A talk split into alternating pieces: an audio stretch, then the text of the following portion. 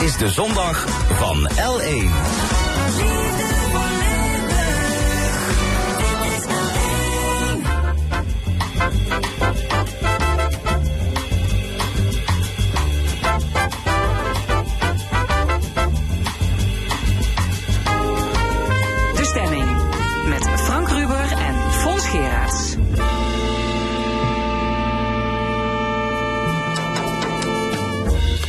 Welkom bij De Stemming, het interview- en discussieprogramma van L1 Radio. Vandaag met de volgende onderwerpen.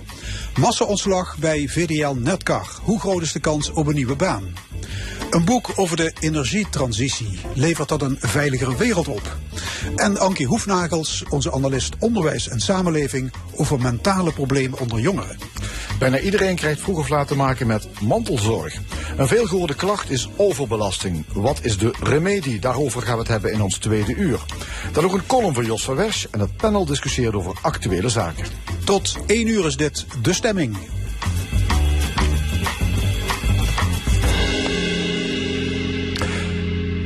Deze week kregen 1900 werknemers van VDL Netcar hun ontslag. In november raakten al 1600 mensen hun baan bij de autofabriek kwijt. Een groep van bijna 400 mag blijven. Het bedrijf is er niet in geslaagd om na het wegvallen van BMW nieuwe opdrachtgevers te vinden. En dus was massa-ontslag onvermijdelijk. Hoe groot is de kans op een nieuwe baan voor al deze werknemers van Netcar? Aan tafel Eliane Demollen-Schneiders, gedeputeerde arbeidsmarkt, en Frank Curvers, hoogleraar regionale arbeidsmarkten aan de Universiteit Maastricht. Ja, welkom allebei. Ehm Netcar wordt de motor van Zuid-Limburg genoemd. Mevrouw Demolin, gedeputeerde, hoe hard komt de klap aan? Die klap komt heel hard aan, en zeker bij de mensen zelf. Um, kijk, op het moment dat je zelf kiest voor een andere baan, zit je daar emotioneel anders in. Op het moment dat je zelf daar niet voor kiest, uh, zul je op zoek moeten gaan, maar komt die klap ook heel hard aan. Ja, 4000 man staan op straat. Dat is denk ik het grootste massa-ontslag sinds de sluiting van de mijnen in deze provincie. Ja, mannen en vrouwen. Dus niet alleen man, uh, maar uh, dat klopt inderdaad. Het is een hele, hele grote ontslaggolf in, uh, in Limburg. Ja, en het pijnlijke is dat de autofabriek er is gekomen in het kader van vervangende werkgelegenheid na de mijnsluiting. Correct. Dat, dat maakt het extra. Dat is inderdaad heel erg, ja, heel erg naar. En ja, goed, en je hebt een uh, België, om, bij onze Belgische Limburgers is hetzelfde gebeurd. Hè. Daar is ook Fort Genk gekomen en die is een aantal jaren geleden ook gesloten. Dus dat heeft altijd uh, best wel grote gevolgen voor de regionale economie. En ook om te kijken van hoe gaan we ervoor zorgen dat we die mensen weer een perspectief bieden. Zodat ze ook een bijdrage kunnen blijven leveren aan de regionale economie in Limburg. Ja, bent u zelf nog een born geweest om de arbeiders een hart onder de riem te steken? Of ik ben in Born geweest, maar uh, ik heb met de vakbonden afgesproken laatst dat ik, uh, dat ik samen met hun, uh, met de mensen ga praten. Uh, dat heb ik nog niet gedaan. Daar ben ik even heel eerlijk in. U bent een boerendochter dat uit klopt. Ekkelrade. Klopt. Dus de landbouwsector heeft geen geheimen voor u. Hoe zit het met de industrie? Kent u de industrie? Nou, in die heeft zin... u er iets mee? Uh, nou, ik ben uh, uh, als boerendochter is het natuurlijk wel zo dat hard werken uh, in je genen zit. Um, en de industrie is natuurlijk, als je naar werknemers kijkt, een, een wat andere situatie. Ja, je werkt voor iemand in plaats van dat je dat voor jezelf doet. Maar het is wel zo dat ik 25 jaar in Heerlen heb gewerkt, waar ik ook heel veel gezien heb, zeg maar. Ook daar in de regionale economie, van mensen die daar werken bij een industrie. Uh, dus ik heb wel daar echt affiniteit mee om te zien van wat daar gebeurt en wat daar de elementen zijn, zeg maar, tussen werkgever en werknemer. Ook aan tafel Frank Curvers. U bent hoogleraar regionale arbeidsmarkten. Ja, in de jaren 70 en 80 gingen aan de lopende band grote bedrijven failliet, hè? En werden arbeiders de straat opgestuurd. Dat zijn we niet meer gewend. Nee, dat klopt. Anno nu. Ja, dat klopt. Dat is, een, um, dat is inderdaad een, een, een soort uitschieter die we, die we nu zien. En um, ja, ik denk dat, dat ook de, de massa-industrie zoals wij die hadden, de grote industriële bedrijven, dat daar ook uh, tegenwoordig uh, is daar niet meer zo'n sprake van. We hebben, we hebben dat in, in, Nederland van de 70er jaren, 80er jaren hebben we dat wel gehad. En toen, is er ook, toen zijn er ook heel veel grote reorganisaties geweest. Ja, de, de geschiedenis van Netcar is er ook eentje van. Pieken en dalen. Hè? Het is een markt met heel veel concurrentie, met, met schommelingen, conjunctuurgevoelig. Ja. ja, en dan kan het een keer verkeerd aflopen. Ja. Ja, en dan, uh, dus, dus er, is, er zijn veel pogingen ondernomen om die werkgelegenheid uh, wel uh, in, in, stand te houden. Dus door, door VDL Netcar. Het is een uh, familiebedrijf met uh, heel veel tentakels eigenlijk over de, over de wereld. Het uh, bevat meer dan 100 bedrijven. Dus um, de management heeft, heeft eigenlijk best een, een goede reputatie. Dus van, het zijn ondernemende lieden die iets voor elkaar weten te krijgen. En dus je kunt er wel van uitgaan dat ze het uiterste, aan, uiterste gedaan hebben om ook die werkgelegenheid en hun business te behouden. Maar ja, de, de, het is toch net niet gelukt. En, maar het kan wel zo zijn dat er op afzienbare tijd wel uh, weer vervangende uh, werkgelegenheid komt.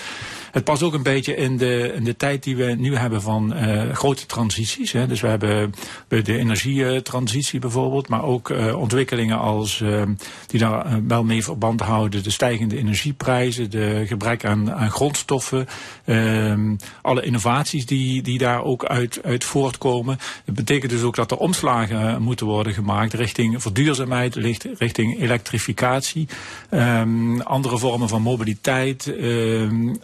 En daar is uh, Netcar wel heel goed in. Ja. Dus er zijn heel veel andere bedrijven binnen Netcar die zich daarmee bezighouden. Kortom, je wil als ondernemer voortdurend op je kievieven zijn. Ja. En zoeken ja. naar nieuwe kansen. Ja. Innoveren is heel belangrijk. Ja. Ja. De fabriek is opgericht in de tijd door DAF, kwam in handen van Volvo, toen Mitsubishi is, u zei het al, door Wim van der Leegte gekocht voor 1 euro. Uh, toen heeft BMW zich gemeld. Uh, op het hoogtepunt, in 2018, werkten daar ruim 7000 mensen voor de Molin. Dat klopt. En dat was daarmee een hele, hele mooie werkgever voor een heel grote, uiteenlopende uh, groep uh, mensen uit Limburg. Dus wel hoger opgeleide, maar ook lager opgeleide. Ja, en vijf jaar later staan de fabriekzallen gewoon leeg. Dat klopt. Dat is uh, de tragiek van, van, van het werkveld zeg maar, waar je in zit. Zeker in de mobiliteit. Dat is precies zoals professor Keurvers zegt. Uh, we zijn aan Limburg zijn we toch ook een onderdeel in de wereld. Uh, en de globale ontwikkelingen, daar ontkomen wij ook niet aan. En dus zie je daar ook van de effecten, zeg maar, in je regionale economie. Hoe groot is de kans dat al die ontslagenen, hè, 4000 personeelsleden, spoedig weer aan de bak zullen komen? Dat is een hele goede vraag. Um, en daar uh, hebben we ook zeg maar, met de partners in het werkveld uh, heel hard uh, aan gewerkt. Daarbij moet ik wel. Welke partners in het werkveld? nou, op de eerste plaats is het aan VDL zelf om um, heel goed zeg maar, de mensen te begeleiden. Hè, want zij zijn degene die ontslaat. En dan heb je de arbeidsmarktregio in Zuid-Limburg, samenwerkende gemeenten die aan de lat staan zeg maar, voor het arbeidsmarktbeleid. Het ministerie van Sociale Zaken is uh, belangrijk. De vakbonden hebben heel hard gewerkt, ook de werkgeversverenigingen, coöperatie Leo Loopbaan, uh, de uh, onderwijsinstellingen, zeker op het mbo. Dus die partners allemaal, zeg maar, die hebben zich ver verenigd in het werkcentrum Zuid-Limburg. Dat is gevestigd in Geleen. En van daaruit, zeg maar, wordt nu, uh, um, uh, vindt er een handreiking plaats voor mensen die zich melden. Die zeggen van, help me, want waar kan ik een andere baan vinden? Ja. Het jammere is, zeg maar, dat uh, in ieder geval voor de mensen die een uitzend, in de, bij een uitzendbureau werkten. Ja, die zijn... de klos. nou, de klos daar is het wat lastiger. In die zin dat, je, uh, dat het wat lastiger is om die mensen te bereiken. Maar ja, goed, we, gaan, we hopen in ieder geval dat die mensen zeg maar, uh, ook weer snel een nieuwe baan vinden. En gelukkig is de arbeidsmarkt niet uh, verzadigd. Dus ja, er is genoeg vraag naar mensen. Van de 1600 medewerkers die in november al zijn ontslagen, heeft de helft inmiddels een nieuwe job gevonden. Althans, dat is een schatting. Dat, dat is bemoedigend. Dat klopt, dat is bemoedigend. Um, en het is ook goed, denk ik, om die mensen goed te volgen, om te kijken van wat, hè, hoe zit het dan? Want je weet natuurlijk nooit van, kijk, sommige mensen die uh, zijn, uh, hun persoonlijke situatie maakt dat ze gewoon een, direct een baan moeten hebben. Dus uh, het is ook goed zeg maar, om die mensen te volgen in die zin van hoe, hoe gaat het verder met je? En heb je dan ook een goede keuze gemaakt? Ja, u zei al, er is krapte op de arbeidsmarkt. Uh, werkgevers staan te springen om personeel, zeker in de industrie. Is dat een geluk bij een ongeluk? Ja, dat denk ik wel. Uh, alhoewel natuurlijk wel de realiteit is dat het altijd een vorm van maatwerk is. Het is altijd zo dat een bepaalde werkgever een bepaalde soort skill nodig heeft of bepaalde uh, uh, vaardigheden die mensen nodig hebben die misschien niet helemaal matchen met de vaardigheden die mensen hebben die nu bij Netcar vandaan komen. Dus het stukje zeg maar begeleiding, maar ook een stukje opleiding is wel een heel belangrijk onderdeel in dat geheel. Ja, want de vraag is carrosseriebouwers, de spuiters, mensen in de lakstraat, of die ingezet kunnen worden in de hoogwaardige techniek, om maar wat te noemen. Correct. Ja, ja er zijn, zijn, toch wel, ja, er zijn toch wel veel mensen die eigenlijk uh, weinig uh, opleiding hebben gehad. Of die uh, zich de, door het jarenlange hetzelfde werk te doen eigenlijk moeilijk ook in een andere baan geplaatst kunnen worden.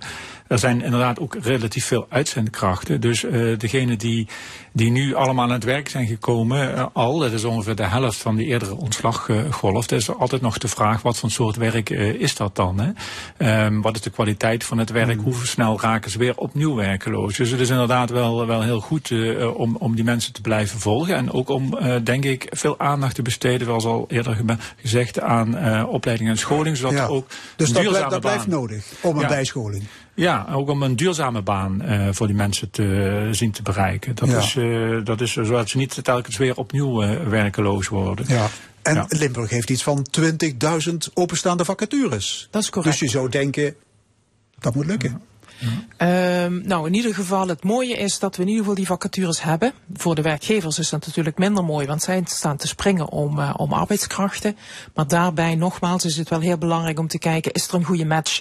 En dat is maatwerk. En daardoor is het gewoon best wel arbeidsintensief om ervoor te zorgen dat de mensen die wegkomen daar een baan vinden.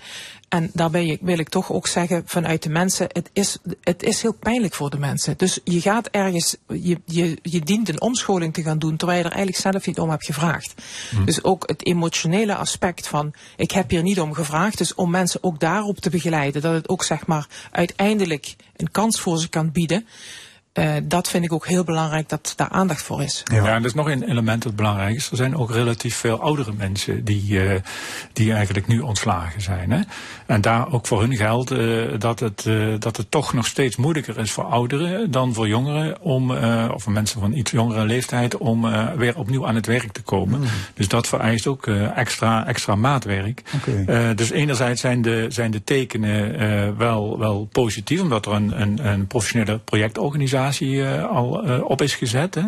Uh, en ook omdat VDL ook alle moeite doet. een professionele organisatie, een goed, goede ondernemersorganisatie is. Anderzijds zijn er ook wat zaken die wat minder zijn. En dat is minder voordelig zijn. Dat is dus onder andere het lage opleidingsniveau, wat, wat relatief veel ouderen. Maar ook dat de economie toch nu de algemeen iets op een lager tempo zit. Waardoor de vraag naar, naar werkenden toch iets minder ja, groot is de, als, als die altijd is geweest. De arbeidsmarkt is al een beetje aan het afkoelen. Ja, dus aan het afkoelen. En dat, uh, dat zijn toch wel risicofactoren. Ja, ja zo'n grote uh, fabriek, hè, plus alle toeleveringsbedrijven, ja, dat levert natuurlijk heel veel werkgelegenheid op in de regio. Aan de andere kant, als zo'n bedrijf omkiept, heb je meteen een groot sociaal drama. Moet je niet toewerken naar diversificatie? Is dat niet, niet veel beter? Beter tien kleine bedrijven dan één grote.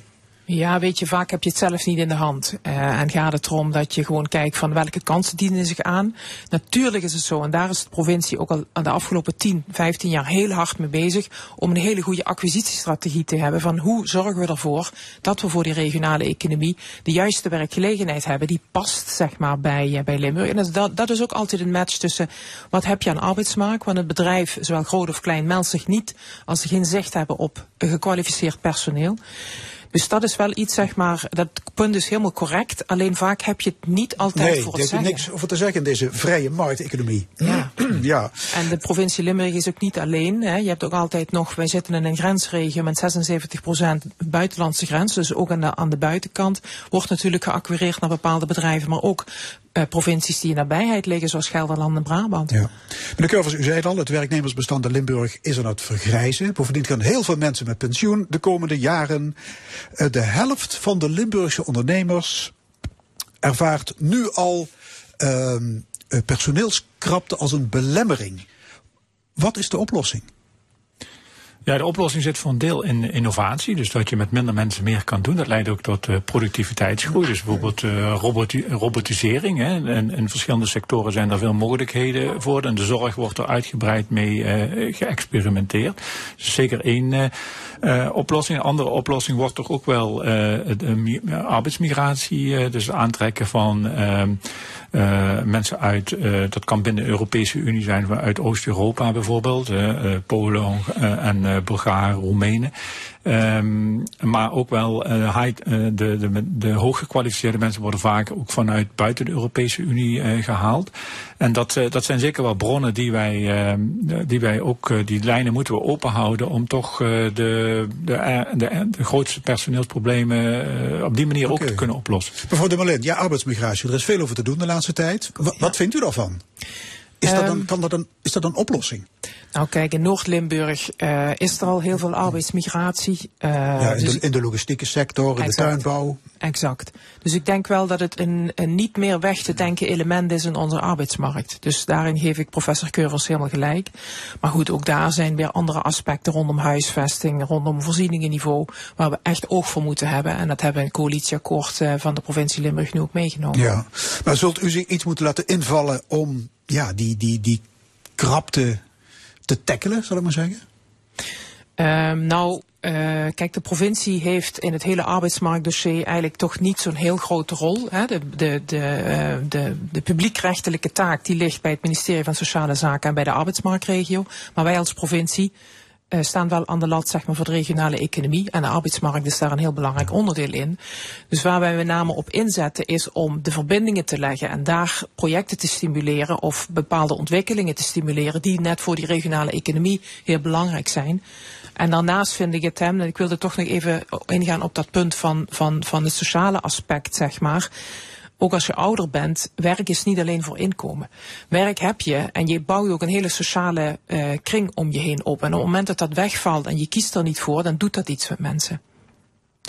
Meneer Keuvels, jongeren die per se een baan hebben, liefst met enige uitdaging en een goed salaris, waar, waar moeten die voor kiezen? Waar moeten ze het zoeken? Nou ja, en de techniek is natuurlijk op alle niveaus is, is, is veel werk uh, beschikbaar. En uh, dus daar, daar zit je vrijwel altijd uh, goed met de, met de opleiding. Het hangt soms ook heel, heel erg af van, van de specifieke opleiding die, dan, die dan kiest. maar um, verder hebben we natuurlijk ook de zorg en, en het onderwijs. de, de, er zijn heel veel vacatures bij, voor, voor leraar, om als leraar okay, aan de slag te gaan. Techniek, zorg, onderwijs. Ja. Daar moet je aan denken. Oké. Okay. Ja. Hartelijk dank voor dit gesprek. Gedeputeerde Eliane Demolin Snijders en Frank Curvers, hoogleraar regionale arbeidsmarkten. Dank jullie wel. Dank je wel. De energietransitie heeft grote geopolitieke gevolgen. Machtige landen maken plaats voor nieuwe opkomende spelers op de energiemarkt. Daarover dadelijk wetenschapper Monique de Jong. Maar eerst The Doors, Waiting for the Sun.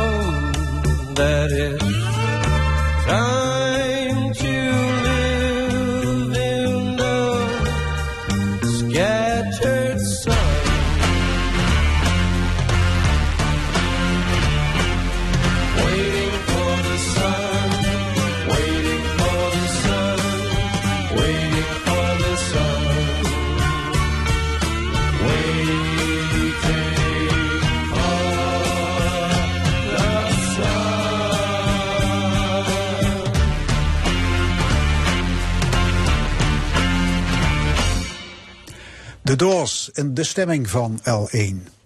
Het is een gigantische opdracht, de wereldwijde transitie naar een duurzame economie. Want fossiele brandstoffen zoals olie en gas moeten worden vervangen door hernieuwbare vormen van energie. Dat is mooi, maar maakt dat de wereld ook veiliger? Of leidt dat tot nieuwe gevaarlijke conflicten? Monique de Jong uit Maastricht, onderzoeker aan de Universiteit van Gent, schreef er samen met Mathieu Blondeel een boek over. Staat de wereld in brand? Aan tafel Monique de Jong. Goedemorgen. Uh, ja, u bent verbonden aan het Instituut voor Internationale en Europese Studies in Gent. Uh, dus u bent geen beta-wetenschapper. Misschien even goed om uit te leggen. U bent uh, een ja, politieke wetenschapper. Ja, ik ben een politieke wetenschapper. Dus ik hou me dat helemaal niet bezig met de, de techniek en de technische innovatie. Dat komt natuurlijk wel af en toe terug natuurlijk in de politiek. Hè, met betrekking tot keuzes die worden gemaakt in de energietransitie.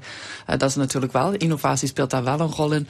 Maar ik doe absoluut geen onderzoek naar nieuwe methoden om bijvoorbeeld energie op te wekken of energie-efficiëntie. Het gaat echt om de keuzes die worden gemaakt om bijvoorbeeld die energietransitie in gang te zetten. Die onderzoek ik, kijk wat voor een effect die hebben. Ja, de geopolitieke gevolgen, hè? Inderdaad, ja. ja, wat, wat, wat, is geopolitiek eigenlijk? Ja, geopolitiek is inderdaad... Uh, hè, aardgas en olie bijvoorbeeld, hè, vind je niet overal uh, in de wereld. Er zijn een paar aantal landen die heel veel van die bronnen hebben. Uh, en die kunnen die bronnen natuurlijk gebruiken om hun positie op internationaal niveau te verbeteren. En dat zien we ook in de energietransitie. Hè. Er zijn een aantal landen die zijn, uh, hebben heel veel kobalt of lithium, dat noodzakelijk is voor batterijen of zonnepanelen, windturbines. en, en die kunnen die rol gaan gebruiken om dus inderdaad bepaalde landen te dwingen tot iets te doen doen. Uh, we hebben dat, het belangrijkste voorbeeld wat we natuurlijk kennen is de gascrisis van vorig jaar. We hebben, dat, hebben gezien hoe Rusland aardgas kan gebruiken om toch het druk op Europa te zetten. Om ze inderdaad minder steun aan Oekraïne te geven. Ja, dat, dat, dat, dat is geopolitiek is dat. Ik ja. moest trouwens meteen denken, dat was ook het koloniale systeem hè, ooit. Dus zo oud als de wereld. Hè, dat je probeert je invloed uh, op bepaalde terreinen in plekken in de wereld uh, te gebruiken. wij, wij moeten het gebruik van fossiele brandstoffen zoals olie en gas, dat moeten we gaan beperken. Vanwege de klimaatverandering die we een halt willen toeroepen. En nou zullen heel veel mensen denken, ja dat heeft allemaal voordelen, die transformatie naar een duurzame energievormen. Hebben wij als burgers en misschien ook politici een blinde vlek voor de gevaren? Ja, ik denk het wel. Dat komt natuurlijk ook omdat bij de energiecrisis een heleboel experts hebben gezegd... we moeten die energietransitie maken, dan zijn we onafhankelijk. Dan zijn we niet meer afhankelijk van inderdaad zo'n autocraten in het Kremlin of in het Midden-Oosten, die dus inderdaad de gas- of de oliekraan kunnen dichtdraaien. Uh, dus dat is echt heel erg verkocht als in dan zijn al onze problemen opgelost. De roze bril. inderdaad, de roze bril. En het klopt natuurlijk dat de energietransitie noodzakelijk is om dus inderdaad het klimaatprobleem op te lossen. Maar daarmee zijn niet alle problemen opgelost. Er zijn inderdaad gewoon dezelfde gevaren met betrekking tot prijsschommelingen, aanbod- en vraagschommelingen, die een grote impact kunnen hebben op de, groot, of op de, de, de mensen zelf. Hè. Dus op de, de, de, gezinnen, de huishoudens, uh, die wat dus inderdaad energie willen aankopen, gebruiken. Ja, we willen zo meteen eens even kijken naar de, zeggen de nieuwe grondstoffen die we nodig hebben voor de energietransitie. Maar eerst misschien toch maar eens naar fossiel kijken, want dat is nog lang niet weg. Hè. We blijven nog olie en gas gebruiken, ook oppompen. Uh, ja, de golfstaten zijn daar natuurlijk heel belangrijk in. Rusland, die willen graag natuurlijk blijven produceren en verdienen zien we de komende decennia een soort race to the bottom wat betreft uh, moeten we, we, willen die landen elke laatste druppel olie nog uit de grond pompen? Ja, dat zien we inderdaad. We hebben dat ook gezien met de klimaattop uh, uh, die wat plaatsvond ook in de, in de Verenigde Arabische Emiraten eind vorig jaar. En dan zag je ook dus dat die golfstaten die willen zich absoluut nog niks weten van het afbouwen van fossiele brandstoffen. Die willen door blijven pompen tot de laatste druppel. En je ziet dat die wel weten dat het einde eraan komt. Ze weten dus inderdaad dat in de toekomst die vraag waarschijnlijk zal gaan dalen. Dus we weten ook dat, we nu zo, dat ze nu zo zoveel mogelijk moeten oppompen om ze inderdaad nog zoveel mogelijk winst te kunnen maken. Want misschien over 30 jaar is die olie en gas onder de grond niks meer waard. Dus dan kunnen ze beter nu oppompen, is dan hun gedachte. Maar dat betekent wel dat we een versnelling zetten op de klimaatcrisis. Want dat betekent dat zij veel meer gaan oppompen. Dat gaat de prijs waarschijnlijk drukken. Dus dan denken mensen, kijk, dat is toch nog goedkoop aardgas, olie. Uh, dus dan kunnen we dat blijven gebruiken. Ja, en dat betekent natuurlijk dat we alleen maar die klimaatverandering gaan versnellen. Um, En dat is natuurlijk ook wel logisch dat die landen dat doen. Dat is een belangrijkste inkomstenbron vaak. Vooral als je eens gaat kijken in het Midden-Oosten, uh, is olie en gas toch de belangrijkste inkomstenbron. En willen zij dus inderdaad daar zo lang mogelijk aan vasthouden. Ook omdat zij misschien niet zo uh, gezegend zijn met inderdaad materialen die nodig zijn voor de energiecrisis. Ja. ja. En u schrijft ook, uh, als we snel ehm, gaan uh, transformeren en afscheid nemen van olie en gas. Het kan ook uh, gevolgen hebben, bijvoorbeeld als je kijkt naar Rusland. Stel, er komen dadelijk minder inkomsten uit olie- en gasverkoop. Het kan misschien Rusland nog gevaarlijker maken. Ja, het kan dat de stabiliteit binnen Rusland. Natuurlijk worden nu nog hè, olie- en gasinkomsten gebruikt om de burgers in Rusland tevreden te houden. Hè, vooral nu dus inderdaad hè, met de, de gascrisis en de sancties die vanuit het Westen zijn opgelegd, dat er veel minder inkomsten zijn. Ja, hoe minder stabiliteit er is, hoe minder inkomsten er zijn voor Poetin om het volk tevreden te houden, betekent dat Poetin mogelijk daardoor dus inderdaad in een onzekere positie komt. Uh, je ziet natuurlijk, Poetin heeft natuurlijk al een, een externe vijand gevonden, Oekraïne en het Westen. Uh, maar het kan natuurlijk zijn dat ze nog een andere vijand ja. gaan zoeken. Dus de kat in het nou die ja. rare sprongen kan gaan maken. Inderdaad, en dat niet alleen in Rusland natuurlijk, maar dat kan ook in het Midden-Oosten. Ja. Je ziet dat dat nu al heel erg rommelt uh, daar. Dat komt natuurlijk niet uh, door olie en gas, maar door het hele Israël-Hamas-conflict. Maar je ziet daar hoe gevoelig alles ligt en hoe inderdaad dat heel snel kan omslaan. ja, en hoe dat dus ook gevolgen kan hebben. Dus inderdaad Europa of het Westen daar ook te slechterik wordt als wij dus inderdaad die fossiele brandstoffen gaan afbouwen. Ja, helder. Uh, u heeft het ook nog over een ander gevaar, en dat is eigenlijk een, een economisch gevaar. U, u noemt dat de koolstofzeepbel. Wat is dat? Ja, we zijn natuurlijk, hè, er wordt nog steeds heel veel geïnvesteerd door hè, fossiele bedrijven in nieuwe projecten. Daar doen natuurlijk ook investeerders in. Hè, dus ook de, de gewone mensen die aandelen kopen daar nog steeds in. Maar er komt natuurlijk een moment dat die fossiele uh, brandstoffen waardeloos gaan worden. Dat is in ieder geval het, natuurlijk het ideaalbeeld als we die energietransitie gaan maken. Dus dat betekent dat er miljarden zijn geïnvesteerd en dat die misschien hè, langzaamaan of misschien van het een op een andere moment maand waardeloos gaan zijn. Dus mensen, pensioenbeheerders, vermogensbeheerders die daarin hebben geïnvesteerd, dat die hun inleg kwijt zijn. En dat raakt natuurlijk niet alleen de, de rijke mensen, maar ook inderdaad iedereen die zeg maar, geld heeft daarin geïnvesteerd, kan dat een grote gevolgen gaan hebben. Ja, dus, dus je moet het gefaseerd, je moet het gecontroleerd ja. doen. Uh, dus het is, een, het is uh, te idealistisch om te zeggen, we moeten zo snel mogelijk stoppen met ja. fossiel, hoor ik u zeggen. We moeten een samenspraak natuurlijk met die landen, die moeten we ook zorgen dat die landen alternatieven hebben. Dus dat die hun economie hebben gediversifieerd. Daar zijn natuurlijk al een aantal landen wel mee bezig. Maar we moeten zorgen dat die stabiliteit daar blijft. Dat dat ook economisch natuurlijk hè, blijft voortgaan. En dat er ook langzaam inderdaad wordt uitgefaseerd, die investeringen. En dat er net zoveel mogelijk wordt gefocust op die hernieuwbare transitie. Ja. Dat zijn de landen, uh, de golfstaten, Rusland, noem maar op. Uh, ja, die, kunnen, ja, die, die gaan wellicht aan invloed verliezen. Omdat daar straks, ja, we hebben geen olie en gas meer, maar we hebben andere grondstoffen nodig. Waar komen die vandaan? Welke landen, welke grondstoffen? Want er komen nieuwe machten op in de ja, wereld. Dat klopt inderdaad. Voor de energietransitie uh, gaan we dus, dan hebben we het over een, een nog complexer geopolitiek spel natuurlijk. Uh, olie en gas vinden we gewoon onder de grond uh, en dat wordt dan opgepompt en dan vervoerd en natuurlijk nog wel verwerkt. maar voor een zonnepaneel, dat ligt niet onder de grond, dat groeit niet aan een boom. dat moet natuurlijk geproduceerd worden met allemaal krite, kritieke mineralen, zo, zo, noemen ze dat. Dan hebben we het over lithium, kobalt, dat soort zaken. en die vinden we in totale andere landen. Dus inderdaad, lithium komt voornamelijk uit Chili, uh, Bolivia, Argentinië, Australië, uh, kobalt uit Congo. Dus dat zijn allemaal landen die mogelijk in de toekomst een grotere rol, of die spelen nu al een grotere rol, uh, maar een nog belangrijkere rol gaan spelen. Die landen hebben soms meer, een groter marktaandeel dan alle OPEC-landen samen. Dus dat geeft wel aan hoeveel macht ja. die hebben voor die kritieke Bo mineralen. Bolivia wordt straks misschien het, het, het nieuwe Saoedi-Arabië. Misschien wel, misschien wel. Je ziet ook al dat bijvoorbeeld uh, Chili, Bolivia, Argentinië willen graag samenwerken om ook een kartel te maken voor lithium. Uh, dus dat ze dat ook inderdaad kunnen gaan manipuleren. Hoeveel lithium dat op de markt komt, hoe hoog die prijs gaat zijn. Uh, dus je ziet dat die landen daar ook al heel bewust mee bezig zijn. Echt leren van de fossiele uh, industrie, hoe zij dat hebben aangepakt. ja, en dat is pas stap 1 natuurlijk. Want nadat je natuurlijk lithium hebt gemijnd, moet het natuurlijk worden verwerkt. Die ruwe lithium moet worden verwerkt zodat het kan worden gebruikt in een batterij. dat vindt dan weer voornamelijk plaats in China. Ja, want die Chinezen, dat lees ik ook, in, in Congo, daar, is, daar zitten ze veel van die kritieke materialen, hè, grondstoffen, die zitten daar in de grond. De Chinezen die zijn daar heel vroeg al op ingesprongen. Ja. Die halen het naar China en verwerken het daar.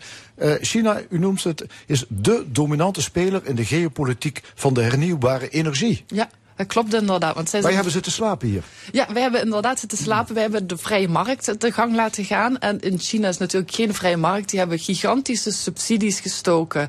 eh, gigantische beleidsplannen opgesteld. Al bijna vijf, eh, tien jaar geleden. eh, gefocust op, wij willen die energietransitie, die technologieën willen we gaan produceren. Wij willen een echte leider hierin worden. En daar hebben ze op ingezet gigantische miljarden subsidies aangegeven. En dus daar een hele industrie op gezet. Ze hebben natuurlijk ook het geluk dat zij minder sterke, eh, strenge milieu-eisen hebben dan bijvoorbeeld hier in Europa. Dus waardoor ze het ook natuurlijk goedkoop konden produceren. Ja.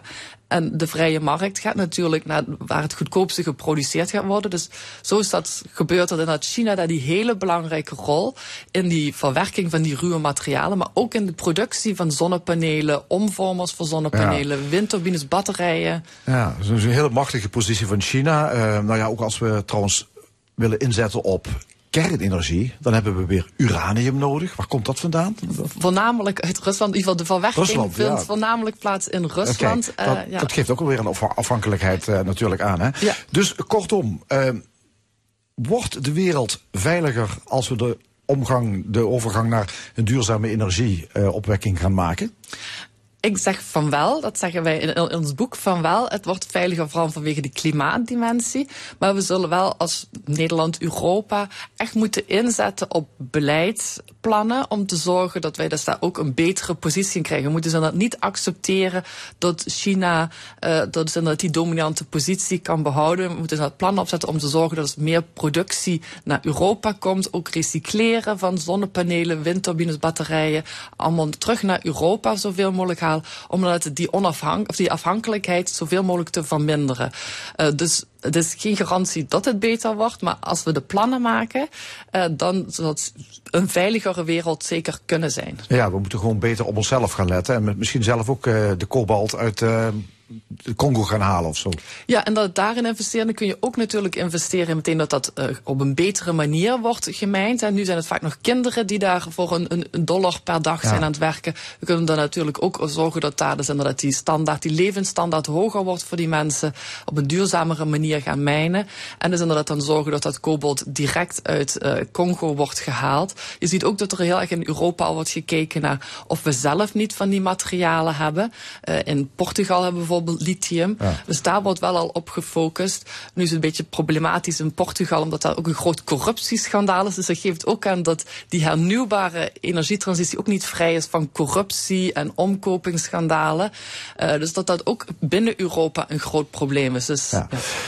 De vrije markt was eigenlijk dominant eh, in de wereld van de fossiele brandstoffen. Dat waren grote oliebedrijven die de, de, de, de olie oppompten en eh, vervoerden en raffineerden. U stelt nu, eigenlijk is er een nieuwe speler nodig. Ja, een auto die we wel kennen, maar die, die is lang is weg geweest. De staat moet dit weer Ja, we moeten inderdaad, we hebben het voorbeeld van China een beetje volgen. China heeft dus inderdaad echt een, een duidelijke keuze gemaakt. Wij gaan investeren in die eh, groene technologie. We gaan subsidies uitdelen. Wij gaan zorgen dat die eh, helemaal ontwikkeld wordt. En dat zouden we ook moeten kopiëren in Europa. Daar zijn we ook mee bezig in Europa. Daar zijn al plannen gemaakt, opgesteld, om zo inderdaad te zorgen dat die eh, kritieke mineralen inderdaad eh, niet meer uit één specifiek land komen, maar dat we ook dat we daar een heel gediversifieerde importportfolio hebben, die productie op te stellen. Eh, maar we liggen daar natuurlijk wel nog wat achter. Nu is Europa natuurlijk ook niet hetzelfde als China. Europa Ja. is natuurlijk niet één land. We hebben het dan over 27 landen die toch ieder een eigen willetje hebben, hun eigen eh, portemonnee hebben, als, in als het gaat hoeveel geld kunnen zij investeren. Eh, dus dat maakt het een stuk lastiger. Maar, maar de onzichtbare hand van de vrije markt, die alles zou oplossen, alle problemen, dat, dat gaat niet meer langer op. Nee, nee dan, dan zijn we zeer afhankelijk van China als, dat, als we dat gaan doen. Want zo, China is natuurlijk geen vrije marktland. Dus zij kunnen natuurlijk wel die staat goed inzetten. Uh, en je ziet dat zelfs Amerika, dat toch echt het land is van de vrije markthandel, dat die ook daar onder president Biden daar ook van afstapt. Dat die ook zeggen met die Inflation Reduction Act, wij gaan gigantische subsidies uitdelen uh, om die industrie terug te halen, om te zorgen dat we minder geopolitiek afhankelijk worden van China. Ja, gaat het lukken allemaal? Ik, ik, hoop van wel, uh, maar ik denk dat we wel nog een hele lange weg te gaan hebben. Ik denk dat we hopelijk niet zo hard uh, op ons gezicht gaan als we hebben gedaan met Rusland en die afhankelijkheid. dus ja, hopelijk gaat het lukken, maar we hebben nog een hele lange weg te gaan. Het staat allemaal geschreven in het boek. Uh, overigens uh, bedoeld voor gewoon de leek. Hè. Het is ja. geen wetenschappelijk boek. Staat de wereld in brand? Van uh, Monique de Jong en uw collega natuurlijk Mathieu Blondeel. Ja, inderdaad. Dank u wel voor uw komst. Dank u wel. Zometeen in de stemming onze analist onderwijs en samenleving Ankie Hoefnagels. En ze gaat het hebben over de verslechterende mentale gezondheid van jongeren. You've Got Your Troubles, dat zongen de Fortunes al in 1965. De Britse band speelt donderdag in het Parkstad Limburg Theater in Kerkrade.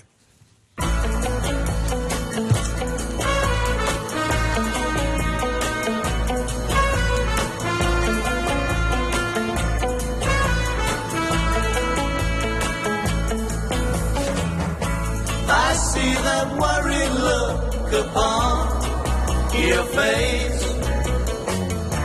You've got your troubles, I've got mine.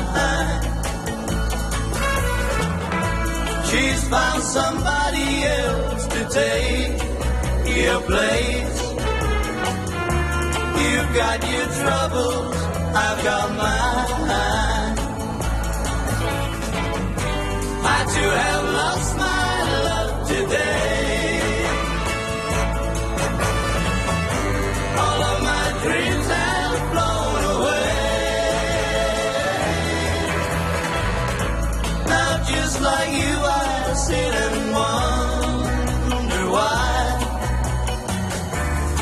got your troubles, I've got mine. You need some sympathy, well, so do I. You've got your troubles, I've got mine. She used to love me, that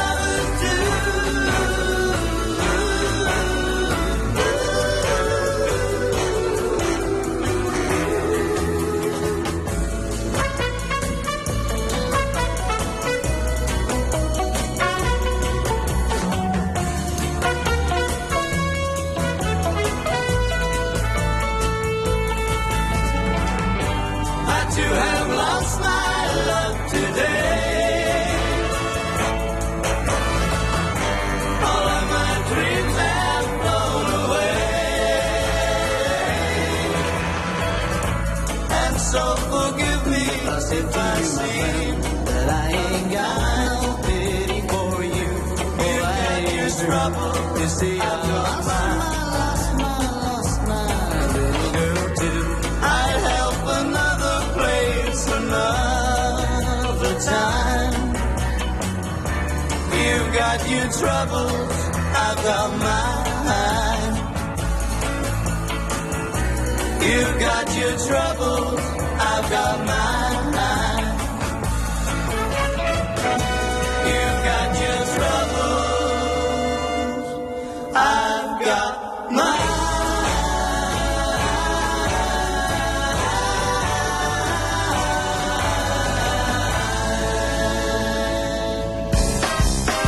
De Analist. Vandaag met analist onderwijs en samenleving Ankie Hoefnagels. Goedemorgen, Ankie. Goedemorgen. Ehm, jij wil het hebben over de mentale gezondheid van jongeren. Eh, vooral de mentale gezondheid van meisjes, die, eh, daar is het eh, niet goed mee gesteld. Bijna de helft van de ondervraagde meisjes in een, instituut, of in een onderzoek van Trimbos en de Universiteit Utrecht, de helft die gaf aan veel te piekeren, snel angstig te zijn, zich ongelukkig te voelen. Ehm, en ook het aantal gevallen van suïcide schijnt de afgelopen jaren enorm toe te nemen. Anorexia, ook zo'n probleem wat, eh, wat groter wordt. Wat zou er aan de hand kunnen zijn met onze jongeren en met name dan dus de meisjes? Ja, er is inderdaad nogal wat aan de hand. En misschien mag ik jou een vraag stellen, Frank. Zou jij anno 2024 20 willen zijn? Ja, ik denk wel, zou ik wel met de kennis en de levenservaring die ik nu heb, kan dat? Ja, nee, dat kan niet. nou, ja, dat is Nou ja, ik eigenlijk- zie wel heel veel problemen in Ja. de wereld om mij heen. Die, Ja. li- die lijken wel stukken groter dan toen ik denk ik twintig was. Ja. Alhoewel, achteraf is het altijd makkelijk redeneren. Precies, achteraf is het altijd makkelijk praten. Maar dat is eigenlijk wel het eerste hè, wat, wat ons opvalt, is dat de jongeren anno nu echt wel met heel veel problematiek te maken hebben. Hè. Oh, Klimaatverandering, onzekerheid over woningen, ook oorlogen die een diepe impact hebben. Die zijn natuurlijk altijd al geweest. Maar er is nu toch wel een samenspel van van ontwikkelingen, mondiale en lokale ontwikkelingen, waar jongeren echt ja, zich enorm eh, zorgen over maken. Ja, maar ik denk, ja, jaren tachtig had je ook woningcrisis, er waren ook Ja. oorlogen, er was ook de dreiging van de bom. Ja, Ja. klopt. Nou, het was toch ook een depri-periode. Ja. Ja. de- denk maar aan de muziek van Ja. toen, hè? dat Ja. Doom en et cetera. Ja, en er komt nu klimaatverandering bij. eh, hè, met, Dan met krijg je er nog extra bij. Krijg je er, die krijg je er nog bij cadeau. Ja. daarnaast zie je ook toch. eh, hè, ik, ik heb gesproken met een aantal decanen van de Hogeschool Zuid, waar ik werk. Maar ook met. ik heb ook wat artikelen. Bestudeerd en on- onderzoeksrapporten. En wat bij beide heel erg terugkomt, is ook prestatiedruk. Ja. Jongeren eh, moeten er goed uitzien, eh, moeten het goed doen op school. Ze Heeft dat met de sociale media ook te maken? uiteraard een meeslepend leven hebben en dat ook laten zien, kunnen zien aan anderen en probeer daar dan maar eens niets van aan te trekken. Eh, en meisjes schijnen dat wat eh, meer, maar meer druk van huiswerk, cijfers, verwachtingen van ouders te ervaren. En die sociale media die helpen er natuurlijk mee. Hè? Eh, gisteren heeft Joost Klein de popprijs van Nederland gekregen.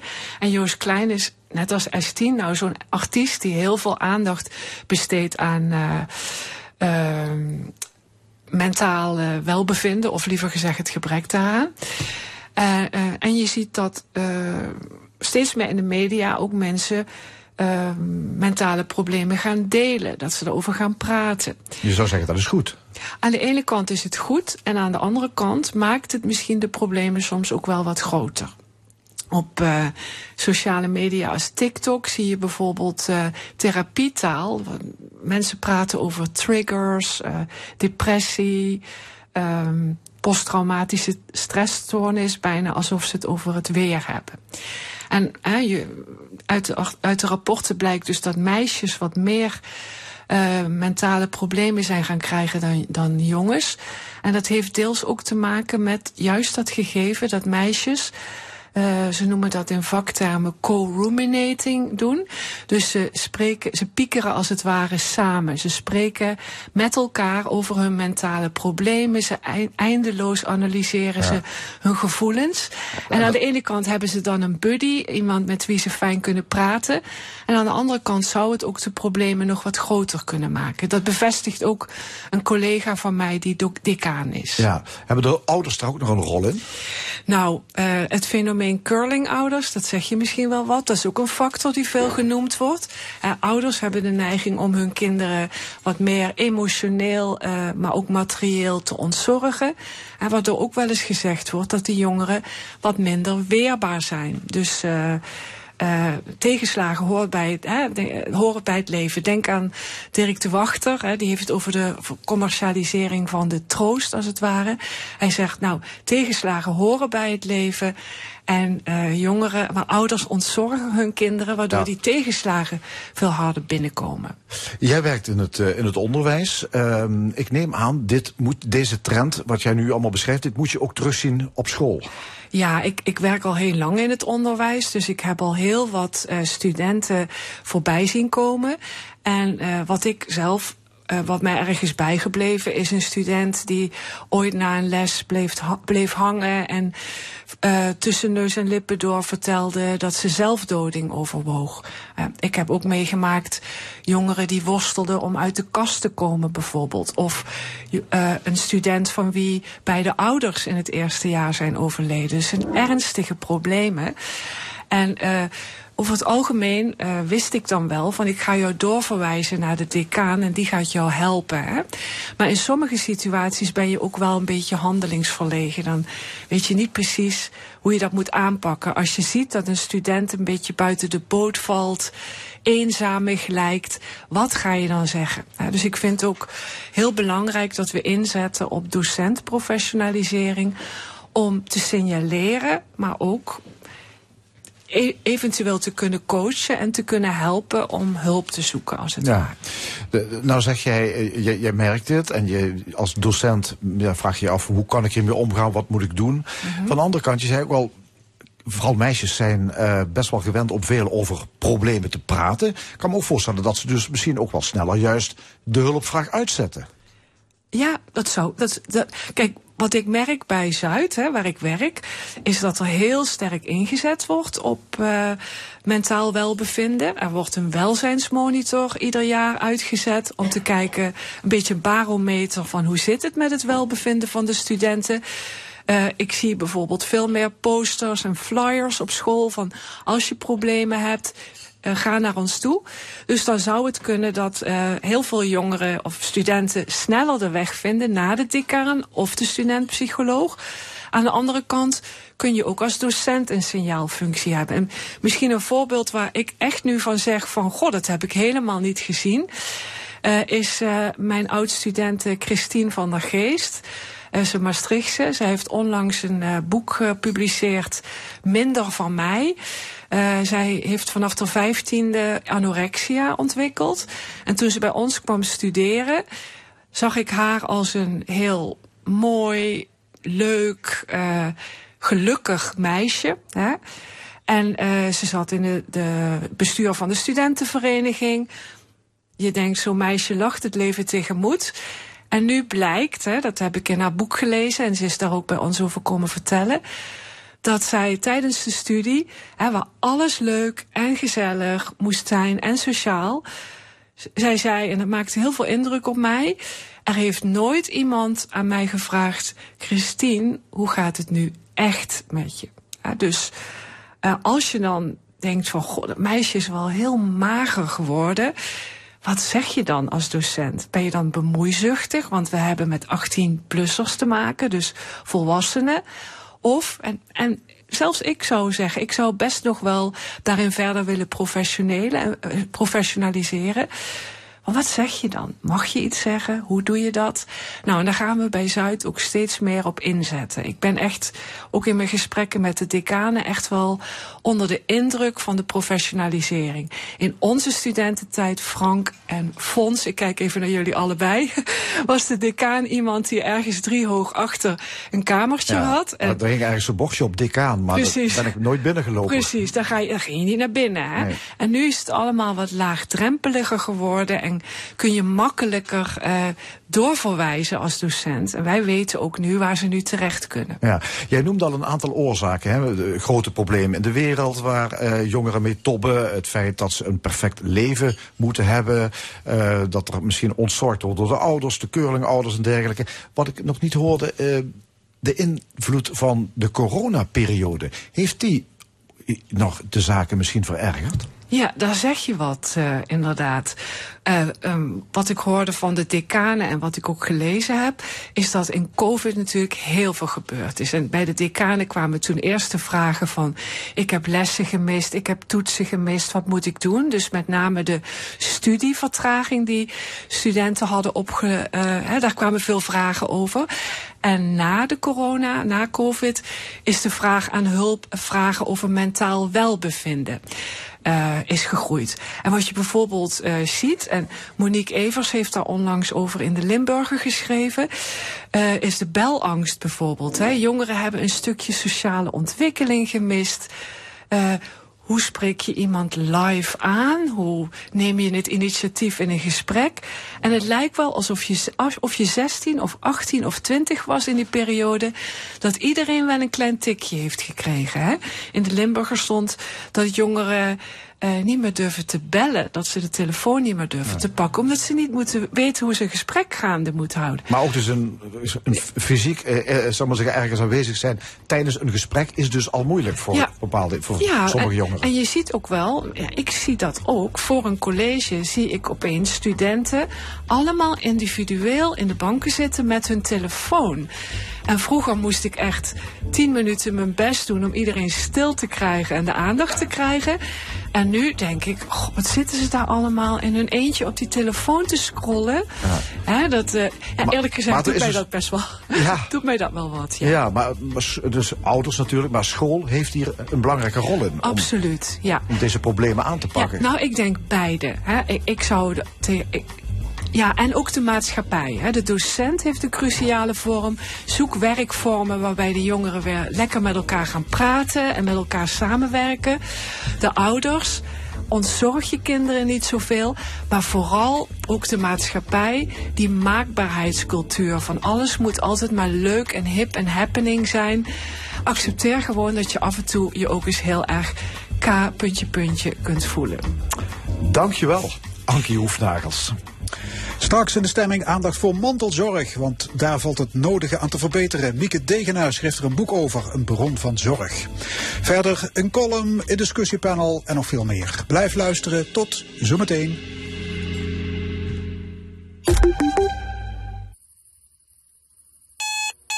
hey, wakker worden. Lig je nog te slapen als het om sparen gaat? Bij NIBC ontvang je 3% rente als je je spaargeld één jaar vastzet. Open nu een gratis rekening op nibc.nl. Alle Specsavers hoortoestellen worden op maat afgesteld op uw persoonlijke situatie en wensen. En leveren daardoor voor u de beste gehoorverbetering. Profiteer tot en met 29 februari van onze aanbieding. 0 euro eigen bijdrage voor één hoortoestel. Kosten eigen risico en oplader kunnen wel van toepassing zijn. Kijk voor de voorwaarden op specsavers.nl slash actie. Zo'n anderhalf miljoen kinderen gaan dagelijks naar de basisschool of het speciaal onderwijs en hebben allen evenveel recht op goed onderwijs. Schooldirecteuren werken daar samen met hun team hard aan. Meer weten over het werk van schooldirecteuren? Luister naar de Schooldirecteuren podcast. Beste belegger, als we elkaar nog niet kennen, dan wordt het tijd. Kosten nemen happen uit je beleggingsrendement. In de afgelopen 10 jaar groeide de Giro uit tot een grote Europese broker. Met ons bekroonde platform tegen ongekend lage kosten zorgden we voor een revolutie in de beleggingswereld. Tap en beleg en haal het meeste uit je beleggingen. De Giro. Financial power to you. Het beleggen kun je je inleg verliezen. Luister nu naar de Schooldirecteuren podcast via jouw favoriete podcast-app. De Giro bestaat 10 jaar. Tijdelijk vergoeden we de transactiekosten van nieuwe klanten tot wel 110 euro. Voor deze promotie gelden actievoorwaarden. Zie begiro.nl. Met beleggen kun je je inleg verliezen. Beleef Kroatië met Bolderman. Een tiendaagse excursiereis naar Istrië en Opatja. Al vanaf 599 euro. Bolderman. Voor excursiereizen en alle andere fantastische reizen. Aanbetaling niet verplicht. Kijk op bolderman.nl. Maak vandaag kennis met Europa's leading broker. De Giro biedt ongekend lage tarieven. Vergelijk het zelf op degiro.nl. Met beleggen kun je je inleg verliezen. In februari ontvangt u het aanslagbiljet voor de gemeentelijke en waterschapsbelastingen. U ontvangt het aanslagbiljet per post in uw brievenbus of digitaal in uw berichtbox als u zich heeft aangemeld voor Mijn Overheid. Meer weten? Ga naar bsgw.nl. Dit is L1 met het nieuws van 12 uur. Jurjen Boekraat met het NOS Journaal. In Eindhoven is vannacht een automobilist zwaar gewond geraakt na een gevaarlijke rit door de stad. De man van 23 raakte onder meer een taxi waarin meerdere mensen zaten. Na die botsing raakte hij enkele honderden meters verderop een vluchtheuvel, reclamezuil en een lichtmast. De auto sloeg daarna twee keer over de kop. De man werd uit de auto geslingerd en met onbekende verwondingen naar het ziekenhuis gebracht. Er zat nog iemand in de auto. De bijrijder raakte licht gewond. Vanwege een brand in een hotel in Amsterdam zijn vanochtend zo'n 90 gasten geëvacueerd. De brand brak rond 8 uur uit in een XO-hotel in het centrum van de stad. Niemand raakte gewond. Het is nog niet duidelijk hoe de brand is ontstaan. De hotelgasten zijn in een restaurant in de buurt opgevangen. Rond half tien was de brand geblust. Vier hotelkamers zijn door de brand in het bluswater beschadigd geraakt. De overige hotelkamers zijn door de brand weer vrijgegeven. Bij de door Rusland bezette stad Donetsk in Oost-Oekraïne zijn 13 doden gevallen bij een bombardement, zegt het Russische bestuur van de regio. Nog eens 10 mensen raakten gewond. Het doelwit van de aanval was een druk bezocht gebied met winkels in een voorstad van Donetsk. De door Rusland benoemde autoriteiten houden Oekraïne verantwoordelijk voor het bombardement. Dat land heeft nog niet op de beschuldigingen gereageerd. In de aanloop naar de republikeinse voorverkiezingen in New Hampshire heeft Nikki Haley uitgehaald naar Donald Trump. Ze vroeg zich hardop af of haar 77-jarige tegenstander geestelijk nog wel in staat is om de druk van het Amerikaans presidentschap aan te kunnen. Het weer.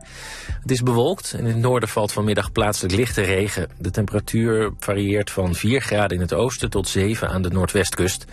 Vanavond eerst droog. Aan het eind van de avond gaat het aan de westkust regenen. De zuidwestenwind neemt flink in kracht toe met aan zee zware windstoten. Dit was het NOS Journaal. Hallo zeg! Je kunt nu kosteloos ontdekken of thuisbezorgen iets voor je is. Want Jumbo Bezorgeloos kun je nu één maand gratis uitproberen. Dus ga snel naar jumbo.com slash maand gratis. En dat voor die prijs. Jumbo. hey, misschien is dit leuk voor de zomer. Oké. Ligt het in de buurt van het strand? Jazeker. En het ligt boven op een berg. Oh, aan de wijngaarden. En midden in het bos. Oké. Huur een camper bij GoBooney en bepaal zelf waar je wakker wordt. Kijk nu op gobooney.nl. Kan jij acht minuten dansen met de verfrissende energie van één kansieappel? Yes, you can see.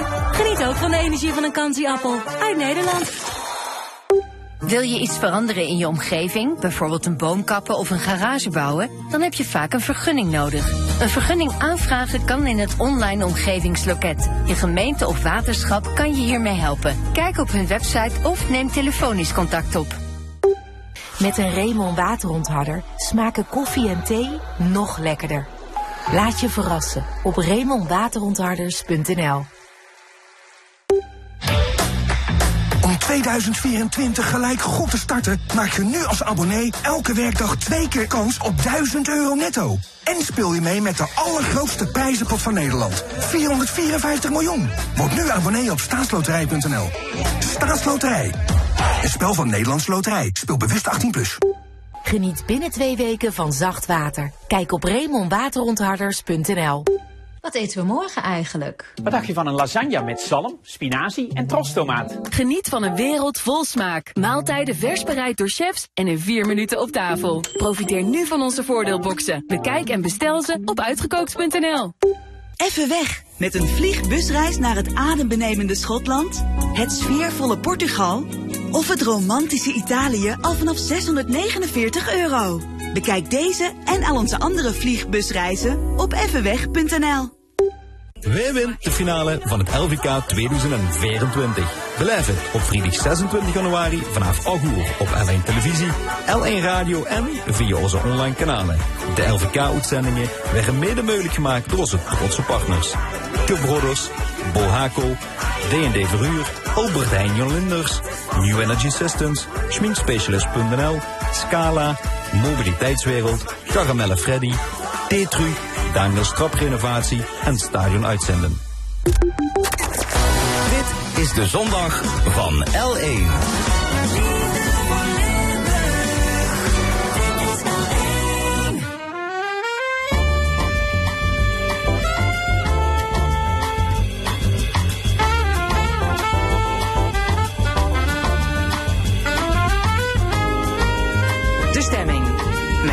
Ruber en Fons Geraerts. Opnieuw welkom bij De Stemming. Interviews en discussies over politiek, cultuur en samenleving. Wat hebben we dit uur allemaal in petto? Straks het discussiepanel met Maren Slange, Jan de Wet en Karen Leunissen over de Californië Deal en andere actuele zaken. Een column van Jos van Wersch over Theo van Gogh, maar eerst mantelzorg. Nederland telt zo'n 5 miljoen mantelzorgers. Dat is 1 op de 3. En dat aantal zal alleen maar stijgen vanwege vergrijzing van de bevolking en personeelstekorten in de zorg. Zorgen voor een naaste geeft natuurlijk voldoening, maar het kan ook leiden tot overbelasting, fysiek en emotioneel. Zeker voor mensen met een fulltime baan. Moeten er meer faciliteiten komen voor mantelzorgers? Daarover gaan we praten met Mieke Degenaar, schrijver van het zo pas verschenen boek Een bron van zorg, en Nout Engelen. En hij is voorzitter van de stichting Manto. Mevrouw Degenaar, u was uh, werkzaam in de zorg. Uh, daarnaast bent u ervaringsdeskundige. U heeft jarenlang voor uw zieke man gezorgd. Hè? Ik heb een aantal jaar voor mijn zieke man gezorgd en ook voor mijn oude ouders. Ja. Um, uw eigen ervaringen vormen de basis van het boek. Maar het boek gaat eigenlijk veel, veel dieper. U laat geen facet van de mantelzorg onberoerd. Uh, wat was uw missie? M meer erkenning voor de mantelzorg? Mijn, mijn missie is inderdaad meer erkenning voor de mantelzorg. Maar ik vind het ook veel breder eigenlijk heel belangrijk dat er goed gezorgd wordt voor de mensen die zorgen. Dus dat zijn niet alleen de mantelzorgers, maar ook de zorgprofessionals, want die staan ook onder enorme druk. Ja. En dat er goede samenwerking uh, tussen beiden is. Ja. Daar komen we over te spreken dadelijk. Nout ja. uh, Engelen, u bent voorzitter van de stichting Manto. Voorheen beter bekend onder de naam uh, Platform Mantelzorg Limburg. Juist. Jullie komen op voor de belangen van mantelzorgers. Dus meer erkenning dat onderschrijft u van harte? Volledig, helemaal. Ja. En zowel uh, voor de individuele mantelzorgers, maar ook uh, de zorgprofessionals. Die hebben ook een hele belangrijke rol in uh, dat samenspel met mantelzorgers. En daar, daar valt toch heel veel goede dingen te doen. Nu zijn mantelzorgers denk ik niet georganiseerd. namens wie spreekt u eigenlijk? Wat, wat is uw achterban? Nou, dat, dat is een van de, de moeilijke punten van mantelzorgers. Hè? Dat, dat je bent het vaak maar een tijdelijke periode in je leven. Dus um, die hele groep is niet goed uh, georganiseerd. Wij, um, wij hebben zelf uh, heel veel contacten met mantelzorgondersteuners, met steunende organisaties. Dus organisaties die iedere dag bezig zijn met mantelzorgers. En we hebben ook als motto, um, wij verbinden mantelzorg in Limburg.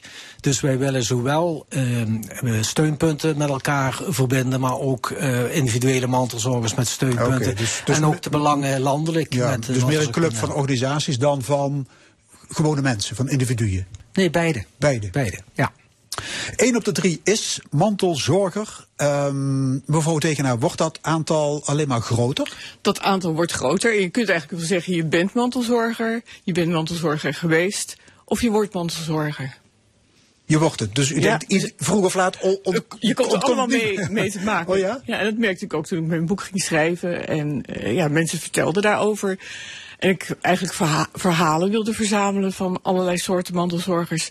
Nou ja, ik kon ze, uh, ik kon ook kiezen. Ja, en hoe komt dat? Omdat mensen ook ouder worden en dus ook gebrekkiger? En... Ja, ook. Maar het is een thema wat ontzettend leeft. Ja.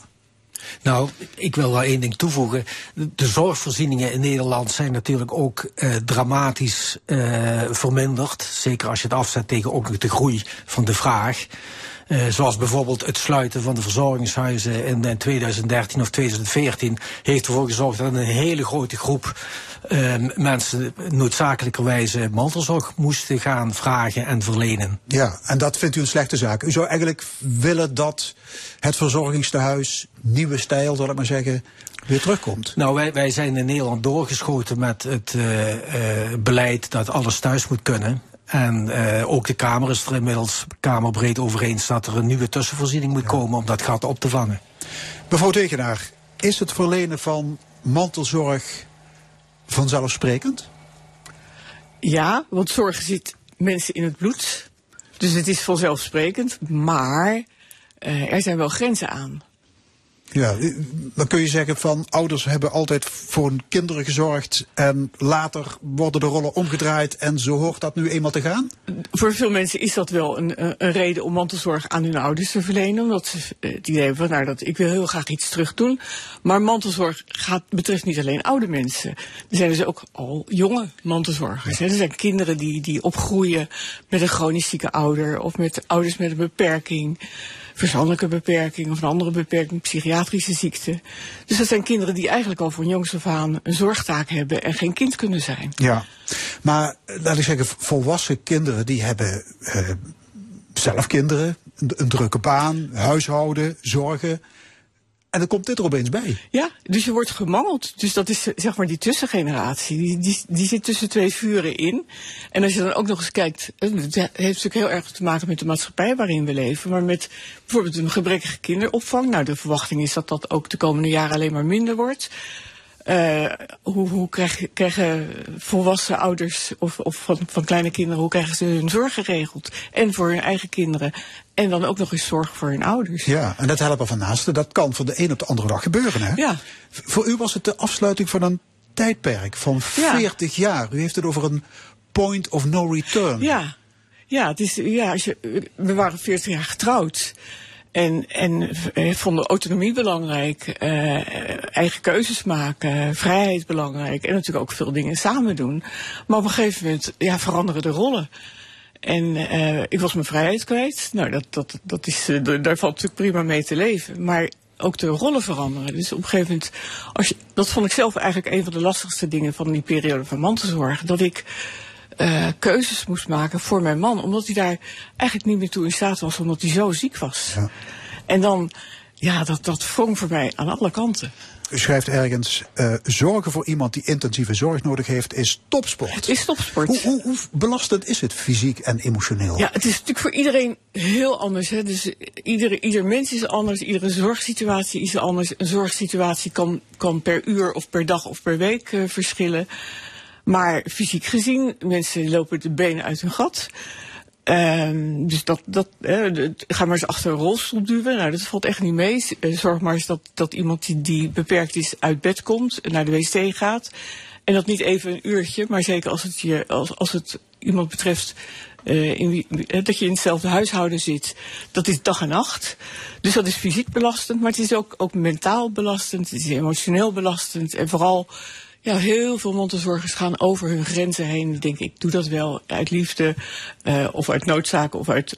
Maar ja, waar houdt het op? En je ziet dat mensen, het eerste wat ze opzeggen, dat zijn de, de fijne dingen, de leuke dingen, de hobby's. Ze gaan niet meer naar koor, ze gaan niet meer sporten. Kopje koffie bij de buur, met, met, met de buren schiet erbij in. Waardoor eigenlijk je draagkracht zo ontzettend vermindert. En eh, ja, stress chronisch wordt. Kijk, tijdje stress, tijdje belasting kunnen we allemaal goed hebben. Mensen kunnen heel goed regenereren. Maar te grote belasting, te langdurig. Nou, ik heb een elastiekje bij me. Het, als, om te laten zien van, we weten allemaal hoe een elastiekje, dat weten de luisteraars ook. Een elastiekje kan je uitrekken. En dat veert vanzelf wel weer terug. Nou, zo is dat met mensen ook. Maar als je het hard maar als je heel lang dat elastiekje onder spanning houdt, dan raakt de, de, de rek eruit. En eh, dan veer je niet meer terug. En ja, dan heb je nog een patiënt erbij. Nou, uiteindelijk, u bent van Manteau. Eh, zijn veel mantelzorgers overbelast? Ja, ab- absoluut. Dat, dat is ook bekend in Nederland. Hè. Een bepaald percentage is, eh, is eh, ernstig overbelast, eh, 10, 15 procent. Eh, en dat zijn er heel veel. En ehm, ik, ik wil ook met name aandacht vragen voor, voor mensen die, eh, die niet meer zelf vitaal zijn, maar toch geconfronteerd worden met mantelzorg. Als je zelf eh, 80 bent of 81 en je partner eh, wordt hulpbehoevend, fysiek en, en psychisch bijvoorbeeld, dan is dat een bijna onmogelijke Dus dat komt er opgave. ook voor dat je mantelzorgers hebt van, van boven de 70. maar dus je hebt, u zei het al, je hebt ze in, in alle soorten en maten. Zijn er ook hulpbehoevenden die niemand hebben? Komt, u- komt u wel eens schrijnende Ja, dingen natuurlijk. tegen? Dat, dat- ik bedoel, er zijn genoeg mensen die zijn sociaal geïsoleerd, hebben geen kinderen eh, en hebben eigenlijk geen vanzelfsprekende mantelzorger. Die zijn er. Genoeg. Een bron van ergernis is trouwens dat eh, mantelzorgers worden geplaagd door de bureaucratie. Ehm, pas geleden was er die petitie, hè? stop de regelkolder. Wat is het probleem precies?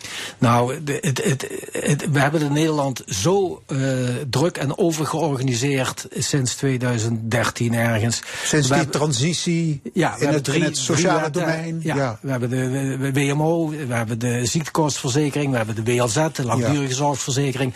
En mantelzorgers die, die worden uh, heen en weer geslingerd. En als het van de een naar het andere moet, uh, systeem moet dat, dat wekelijks formulieren invullen, online uh, aanvragen doen. Dat, dat, dat, houden we niet voor mogelijk. Ja, maar wat denk je, dat heeft u mee te maken? Daar je zelf ook mee te maken. En als je overbelast bent en dat ook nog eens moet regelen, dat is verschrikkelijk. Ja. En uh, ouderen die uh, ernstig ziek is, die komt in een verpleeghuis terecht. Tot voor kort werd hulp van de, van de, van de familie niet echt op prijs gesteld. Hè? Die, die werden Nee. allemaal als lastig gezien. Is dat veranderd? Uh, voor een deel. Uh, het is heel vaak gezegd, goh, mantelzorgers, oh god, krijgen we dat er ook nog eens bij. Dan moeten we, de, de, het is alleen maar lastig. De mensen eisen van alles, willen van alles. Uh, het is wel bijzonder dat het de laatste, nou misschien eigenlijk pas, pas een goed een jaar, dat er meer uh, oog voor mantelzorgers is. En dat juich ik heel erg toe. Want ik denk, nou zorgen doen we met elkaar. Uh, we hebben elkaar nodig. Uh, alleen is de, de intentie of het doel is meer handen aan het bed.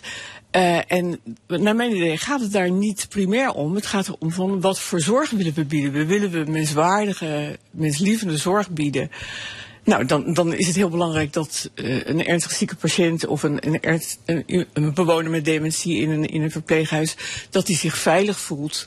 Doordat de familie, de naaste bekende hmm. bij, bij zo iemand ja, zijn. Ja, want, want familieleden kennen de patiënt. Ja. Dat is wel handig. Ja. Hè? Ook, ook voor het, ook ook voor, voor, vertrouwen. Voor, voor het personeel is het heel belangrijk, want het is een grote bron van informatie. Ja. Maar dan heb je een andere doelstelling als je zegt als instelling van nou, we, we hebben de visie familie is ontzettend belangrijk. En die willen we een, een plek geven. Ja. En daar willen we ook goed voor en zorgen. En nu wordt het puur gezien als een en nu wordt lekker rustig... Handen, handen aan ja, het bed. Handen het bed. Dus, ja. Maar goed, familieleden kunnen medicijnen geven. Ze kunnen wonden verzorgen.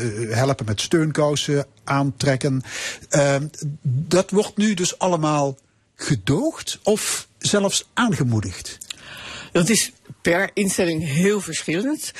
Uh, soms zijn mensen het ook thuis gewend om te doen. Dus het is dan heel raar als je het ineens in een instelling niet meer zou, uh, zou mogen doen. Nou, en, en er is in Limburg, dat, dat haal ik ook in mijn boek aan, een, een project geweest, een, een mantelzorgacademie. Ja, dat doet hier het, het UMC Plus in Maastricht. Ja. heeft daar een opleiding voor, de Mantelzorgacademie. Maar enkele, u vindt dat ontoelaatbaar. Nou, Leg eens uit dat zijn twee dingen. Het eerste is inderdaad, wat, waar begint het? En als het begint bij de instelling die een probleem heeft en denkt, wij gaan de mantelzorgers dat laten oplossen, vinden we dat net, als Mieke dat zegt, verkeerd omredeneren. En dat gebeurt consequent. Ook, ook nu in sommige verpleeghuizen wordt de familie min of meer verplicht om haar bijdrage te leveren aan de zorg. Daar, daar, dat vinden wij verkeerd. Ja, jullie zeggen dat is werk voor professionals. Mantelzorg nou, is geen beroep. Dus wat gebeurt er als het fout gaat? Wie is dan verantwoordelijk? Nou, ik maak even mijn verhaal of kom ik terug op uw punt. Het, het, tweede punt is, en dat hebben wij gezegd van die Mantelzorgacademie. Daar waar je toestapt naar verzor verzorgende taken en vooral verpleegkundige taken. Daar vinden wij dat je dat bij hoge uitzondering aan mantelzorgers moet vragen. En ook alleen maar onder bepaalde condities. En toen dit plan gelanceerd werd, toen werd het beter, een beetje als vanzelfsprekendheid ge, gebracht van, uh, nou, wij gaan nou de uh, mantelzorgers uh, leren dat te doen. En dat betekent dat de patiënt eerder naar huis kan. Iedereen blij, maar zo werkt het niet. Mevrouw Degenaar, wat vindt u ervan? Ik ben het met u eens. Uh, het, is, het, is, het, heeft goede kanten. Het is natuurlijk heel fijn als je mantelzorgers instrueert over hoe ze kunnen tillen om, om zo min mogelijk belast te worden. Maar het is geen vanzelfsprekendheid dat een mantelzorger uh, alles maar doet. En uh, daar zitten grenzen aan. Ja, maar het is wel fijn als de familie taken op zich neemt. Hè? Dat, dat is, is fijn voor de patiënt. Het is fijn voor er de is patiënt. minder thuiszorg nodig. Ja. Ja. Uh, de lichttijd in het ziekenhuis is korter. Ja. Allemaal voordelen. En daar komt bij dat de overheid die wil meer zelfredzaamheid. Ja, dus dat is allemaal die, waar. Die propageren de, de, hoe heet dat? de participatiesamenleving. Ja. en we willen wel. Maar die mantelzorgers die hebben vaak ook hun werk jonge mantelzorgers hebben hun school. Eh, en je moet wel eh, alle ballen in de lucht zien, eh, zien te houden. En mantelzorg is vaak, het begint met een uurtje en het wordt twee uur. En het, en zijn slopend, eh, zijn, zijn steeds intensiever. En mensen raken steeds meer uitgeput, de mantelzorgers. Dus op een gegeven moment raakt, raakt het zoek. En mensen, mantelzorgers kunnen soms zo ontzettend blij zijn en opgelucht zijn als hun naaste eindelijk in een verpleeghuis of in een ziekenhuis terechtkomt. Dan hebben ze echt wel even tijd nodig om te herstellen. Zoals dat elastiekje. Meneer Engelen, wat zou de overheid moeten doen om de mantelzorgers te ondersteunen? U had het al over die verzorgingstehuizen, nieuwe stijl, die moeten, moeten terug. Nou, wat wat nog meer? Noem zijn, eens wat. Ik kan er nu drie belangrijke dingen bedenken. Ehm, het het eh, eerste wat eh, de overheid zou moeten doen is beter nadenken over de positie eh, van mantelzorgers in dat hele zorgveld. Nu is eigenlijk er niks geregeld. Ni- niet wettelijk geregeld, niet procedureel geregeld. Ehm, dus daar, daar moet iets over komen.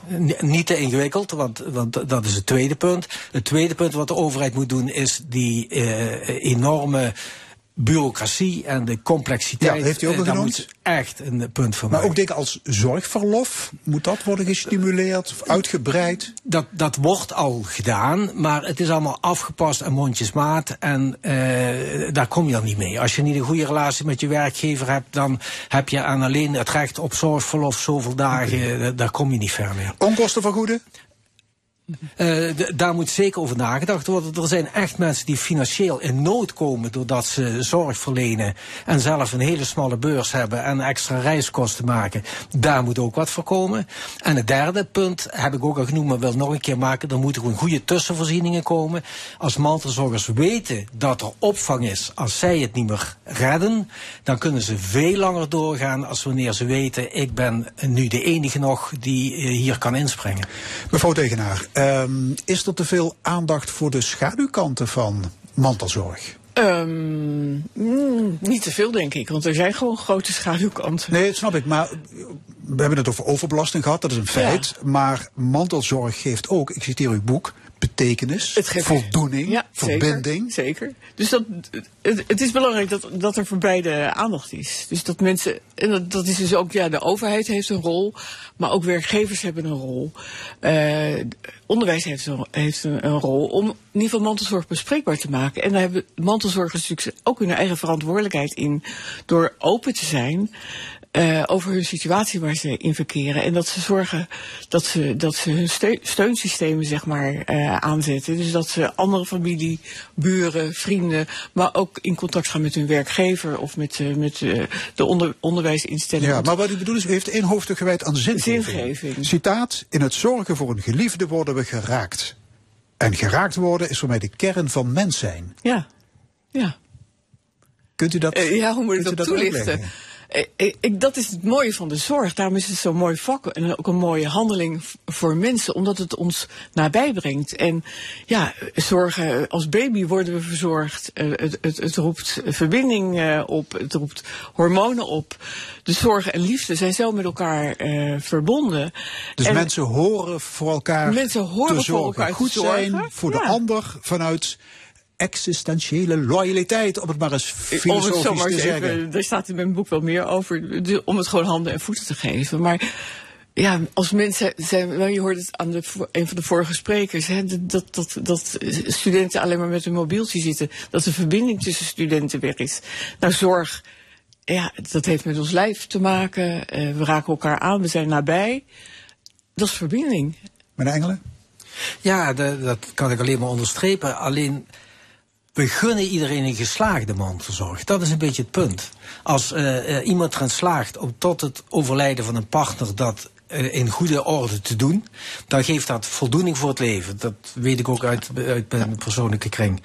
Maar als het mislukt, althans als je denkt dat het mislukt, omdat je het niet meer volhoudt en er ongelukken gebeuren of wat dan ook, dan, dan, eh, ja, dan is dat mooie wat het ook kan zijn, wordt dan toch overschaduwd door een negatieve uitkomst. En we moeten ervoor zorgen dat die uitkomsten zo vaak mogelijk positief zijn. En, en daar wil ik nog wel iets over Ja, zeggen. kort. Van, ik denk, perfecte mantelzorg bestaat niet. Dus het is zo belangrijk dat je als mantelzorger of als professional weet dat je, je kunt je best doen, je kunt een goede intentie hebben. Maar sta alsjeblieft jezelf toe. Wees mild voor jezelf. En, en staat toe dat je fouten maakt. Ja. U bent trouwens geïnteresseerd in ervaringen van mantelzorgers. En in dat kader wil ik even een oproep doen. Ik wil graag een oproep doen. Bij deze? Misschien dat een van de luisteraars geïnteresseerd is in mijn boek. Uh, op, op jullie site staat mijn uh, e-mailadres. Stuur jouw verhaal, mo een mooie, een ontroerende ervaring met zorgen in familieverband naar mij toe. En een van de luisteraars ontvangt dan het boek. Dus vergeet okay, niet nog, je, nog naam, keer het mailadres. je naam en je adres uh, te vermelden.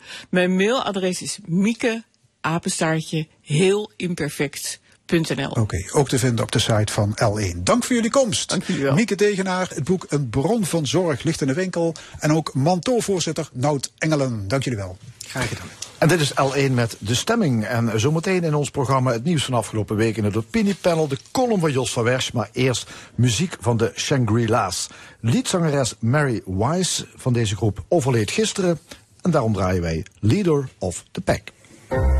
Is she really going out with him?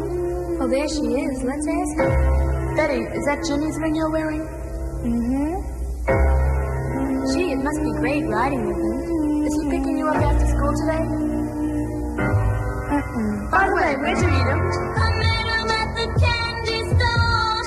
Turned around and smiled at me. You get the picture? Yes, we see. That's when I fell for leader of the pack.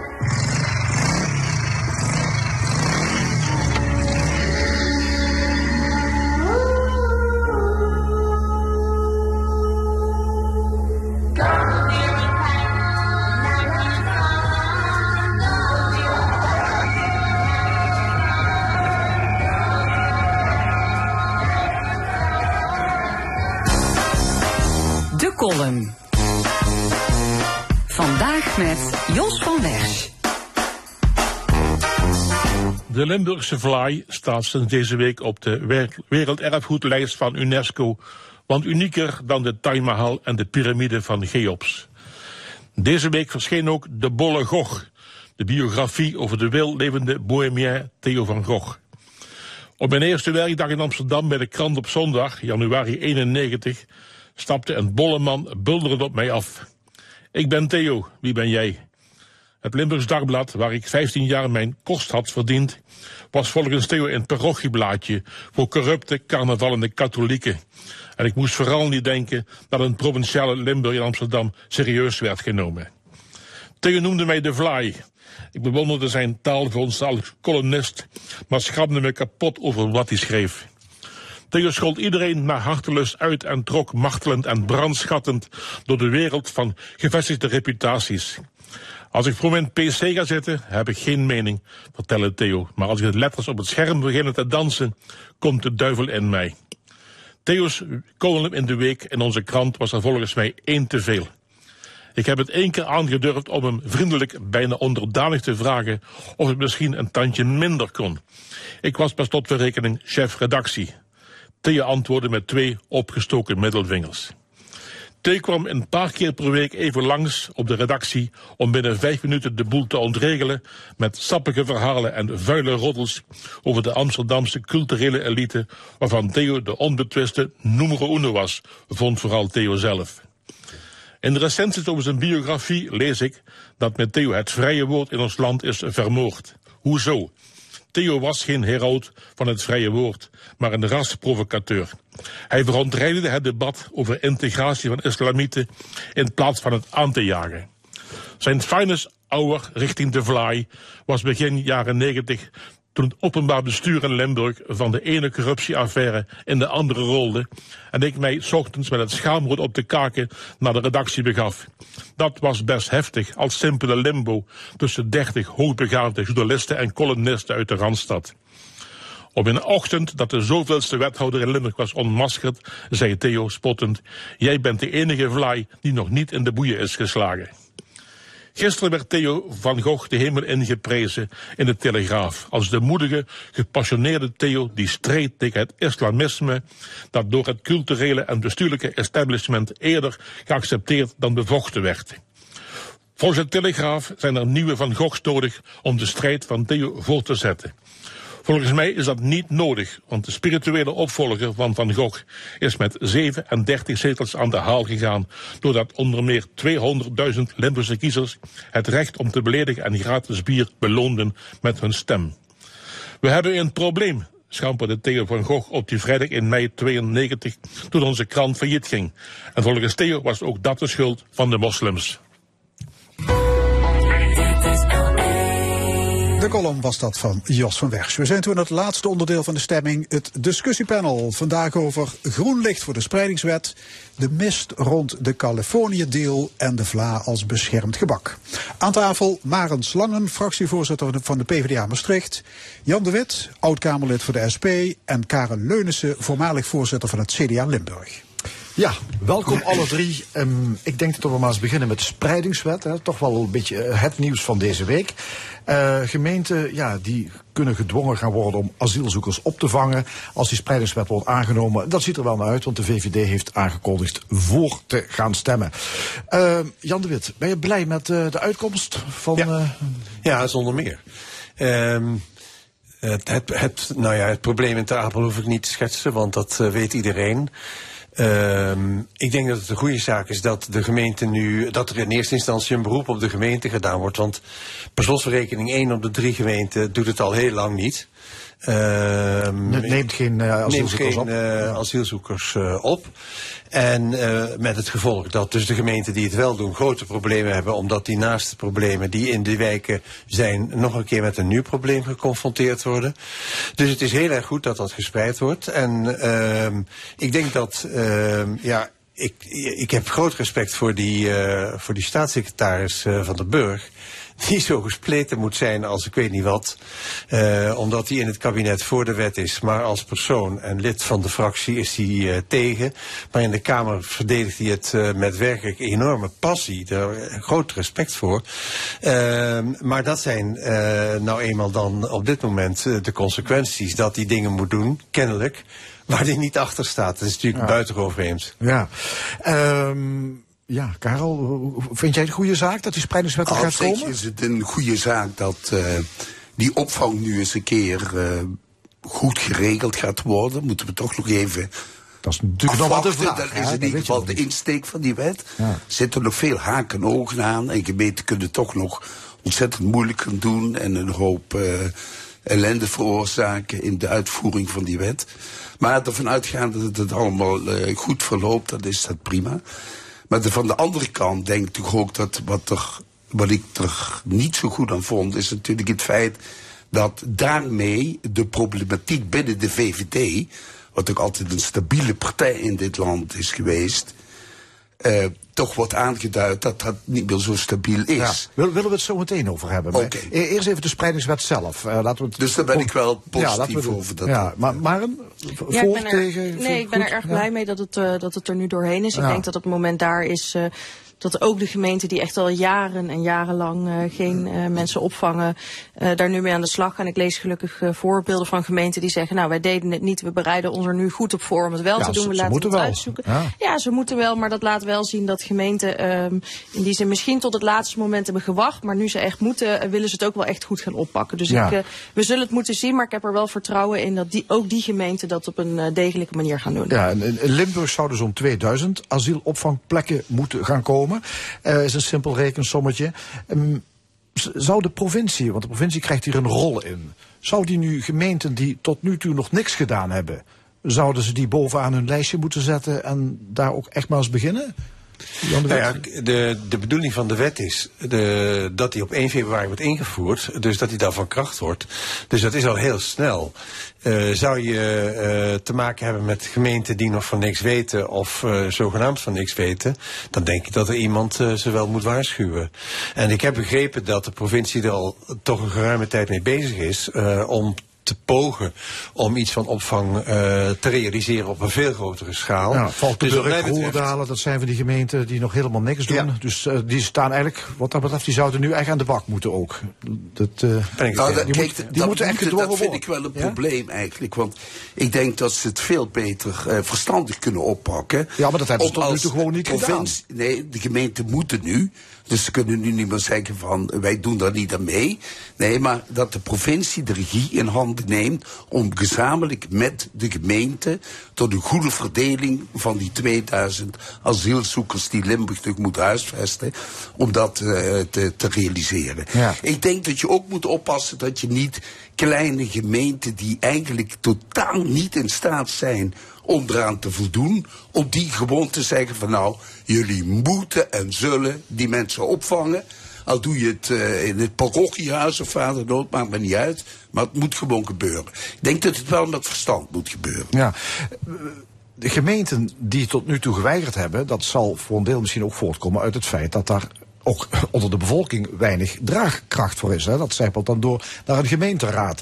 Eh, zou het zo kunnen zijn dat mensen in die gemeente juist dat daar weerstand komt, dat daar opstand komt, dat we daar eh, ja, nog acties gaan, gaan, gaan zien? Dus, Nou ja, weer, ja, dat zou kunnen. Eh, maar dat kan natuurlijk ook gebeuren in gemeenten eh, die nu al eh, vrij veel mensen opvangen. En waarvan wellicht, waartegen wellicht gezegd zou worden, u moet nog wat meer opvangen omdat u meer faciliteit en capaciteit daartoe heeft.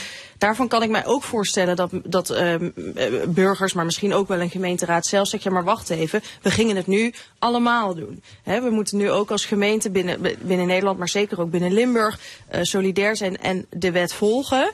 Eh, vanaf 1 februari. Dat betekent dus ook dat, ja, dat, dat iedereen daaraan mee moet doen. Dus die weerstand die zou wel eens op veel meer manieren ehm, kunnen plaatsvinden. In veel meer gemeenten om veel meer redenen. Dus volgens mij is het gewoon zaak dat. En het is misschien wel goed dat de provincie daar een regierol in krijgt.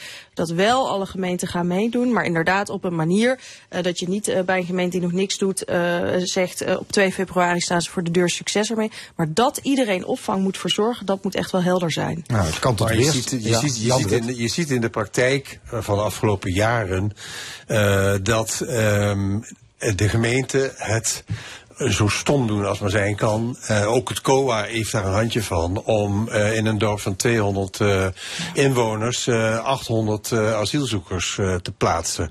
Of eh, statushouders of wat dan ook. En dat, dat roept natuurlijk altijd eh, want de, de, de mensen in een dorp van 200 kennen bij wijze van spreken de asielzoeker niet. Want die hebben ze nog nooit gezien, bij wijze van spreken. Maar het roept altijd natuurlijk enorme weerstand aan als je dat verkeerd aanpakt. Omdat je bijvoorbeeld het draagvlak eh, al minimaliseert. Dus wat dat betreft is een zorgvuldige aanpak van de provincie richting gemeente... is natuurlijk een buitengewoon eh, belangrijk aspect. En dat geldt ook, denk ik, ten aanzien van de huisvestingen. Ik hoorde gisteren een wethouder zeggen van een vrij grote gemeente. Die hadden een hotel vrijgemaakt om die asielzoekers op te vangen. Uiteindelijk komt het erop neer dat vier asielzoekers in een hotelkamer moesten gaan eh, verblijven met, en slapen in stapelbedden. Kijk, dat kan een week goed gaan of twee. Maar dat is niet de oplossing natuurlijk. Dat leidt tot problemen.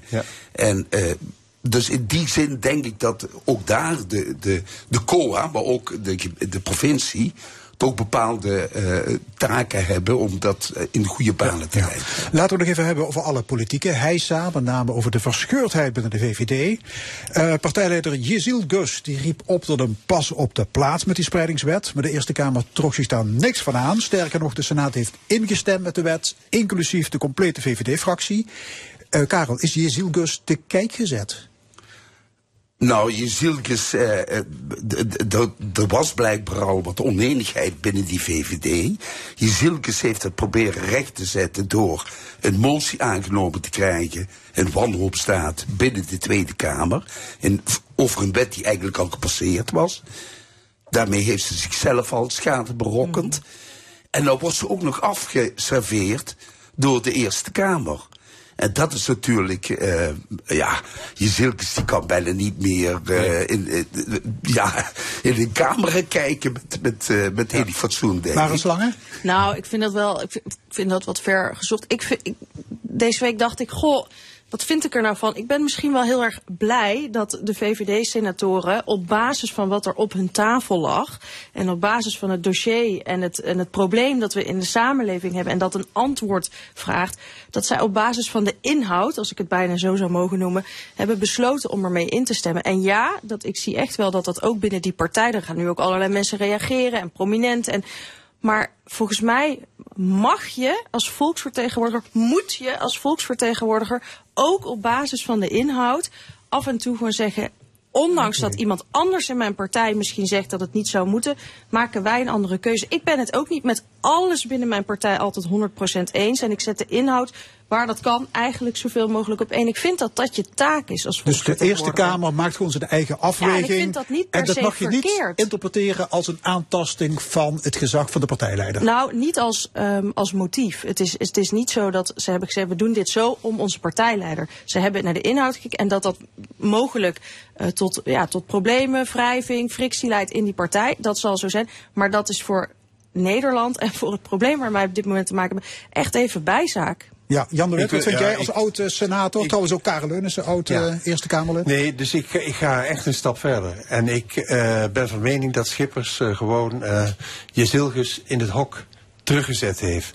Niet, denk ik, uit persoonlijke wraakneming of wat dan ook, maar gewoon in het belang van de VVD. Eh, die mevrouw Jezilgus, die gaat maar door. En als je dus niet uitkijkt, zij splijt ze splijt de VVD helemaal in twee kampen. En ze houdt niet op, op dit moment eh, ook niet.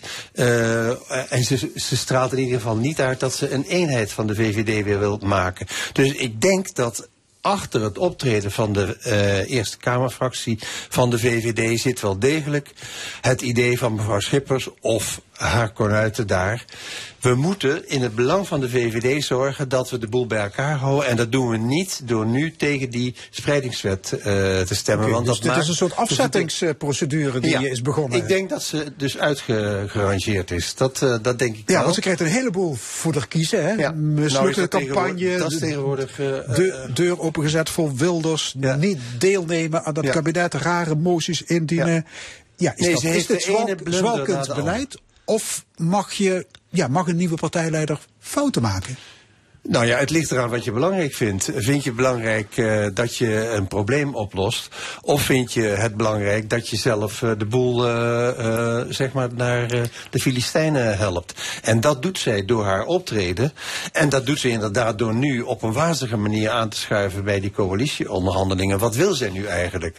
Wil ze nu wel in het kabinet? Wil ze nu niet? Wil ze Wilders in, in, in, de toom, in toom houden of wat dan ook? Dat is volstrekt onduidelijk. Maar ondertussen gaat de verdeeldheid intern gewoon steeds verder.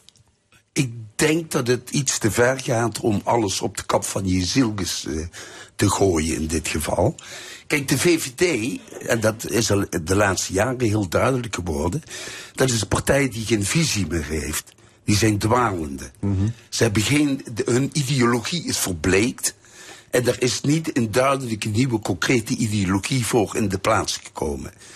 En dat probleem speelt natuurlijk binnen die VVD. En dat maakt ook dat je de klassieke VVD-tak hebt en de, de meer progressieve tak. Die botsen voortdurend. Nou, ik ben eens benieuwd wat op dat partijcongres gebeurt aanstaande week. Dus, en dat probleem, dat, dat eh, eh, komt samen in de vorm bij mevrouw Jezilkes. En die moet dat allemaal maar oplossen, maar die kan het helemaal niet oplossen. Die wordt gewoon geofferd volgens mij in dat geheel. En ja, de VVD moet zich dat aantrekken in zijn totaliteit als partij. Ja, Anders- dus de, de, de messen worden geslepen voor dat partijcongres Ik van volgende dat week zaterdag. Ja. zijn, ja. Hey, nog een ding. Wilders die wil minister-president worden. Vooral eigenlijk toch om alle migranten tegen te houden. We zijn pas bij de formatie. En zijn enige speerpunt kan hij nu al bij het grof vuil zetten. Hoe, hoe zal dat vallen bij hem? Ehm, nou, hoe het bij hem is gevallen, heeft hij volgens mij redelijk duidelijk eh, gemaakt. Alhoewel wat. Nou, hij twitterde mijn, Ja, mijn dat- hemel. maar dit is toch een hard En dat is zo lastig aan deze. ehm, het is nog niet echt coalitievorming, geloof ik. Hè. We zitten in een soort pre-fase en een voorportaal. Maar dat is daar zo lastig aan. Er wordt wel getwitterd en er worden wel uitspraken in, eh, in, eh, in- in net iets over de 100 tekens gedaan. Maar tegelijkertijd wordt er heel weinig gezegd over wat daar binnen besproken wordt. Hè. Daar is nu ook alweer discussie Ja, over. maar, die spreidingswet is nou een, wel of niet? maar die spreidingswet is een feit. Daar heeft hij mee te Daar dealen. heeft hij mee te Ja. dealen, net als ieder ander. Die, die ligt er gewoon, die gaat op 1 februari in. Gemeenten gaan zich daarop voorbereiden. Provincie gaan daarin hun rol nemen. En ook daar heeft Wilders, in welke rol hij dan nu ook zit, of misschien over een tijdje heeft, daar heeft hij mee te dealen. En feit is wel dat eh, de, de- ja, de manier waarop hij ook steeds voor die communicatie kiest, draagt denk ik ook niet echt bij aan het proces. En ik hoop, gewoon- mijn hoop is echt dat de mensen die op hem gestemd hebben, dat is hun goed recht. Dat zijn er een heleboel geweest, dat is prima. Maar ik hoop ook heel erg dat die mensen het nu een beetje blijven volgen en kijken hoe het nu gaat. Maar ik denk dat je nu te ver gaat in je conclusie. Die spreidingswet, eh, Schippers heeft heel duidelijk gezegd, ze hebben ingestemd in die spreidingswet, omdat dat moest, hè, dat kon gewoon niet anders. Een rijk land kan niet zo met de vluchtelingen omgaan. Maar heeft ze ook gezegd, we hebben ook ermee ingestemd, omdat er nu veel meer zicht is op het beperken van de instroom.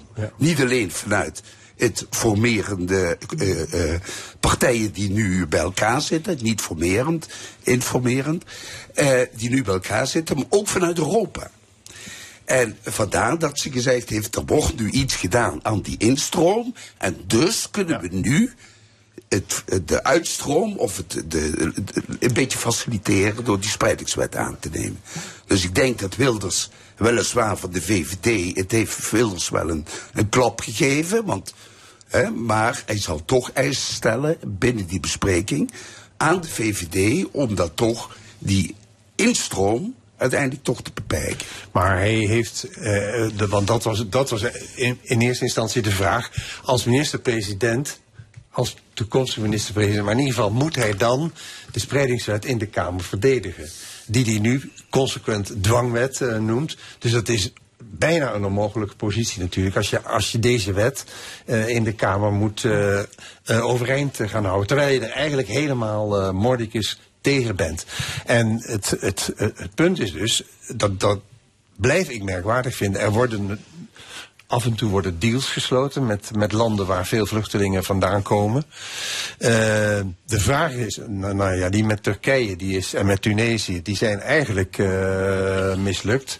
Want dat is eigenlijk enige instrument dat er is om de instroom te beperken. Want of we moeten inderdaad het roer rigoureus omgooien, stoppen met eh, de oorlog in eh, Oekraïne, stoppen met de oorlog in eh, Israël, stoppen met alle internationale conflicten, zodat die instroom niet voortdurend wordt aangewakkerd. Maar dat zal Wilders niet doen. Dat zal Rutte ook niet doen. Dus met andere woorden, die instroom beheersen, dat is buitengewoon lastig. De deals die er zijn, die zijn mislukt in feite. Die, die, die, die liggen op de rand van corruptie bijna. Maar ehm, als je een goede deal weet te sluiten, heb ik daar geen problemen mee. Maar dan moet het wel een fatsoenlijke, nette Maar je hebt gemerkt dat binnen. Europa men bereid is heel ver te gaan om die instroom te beperken.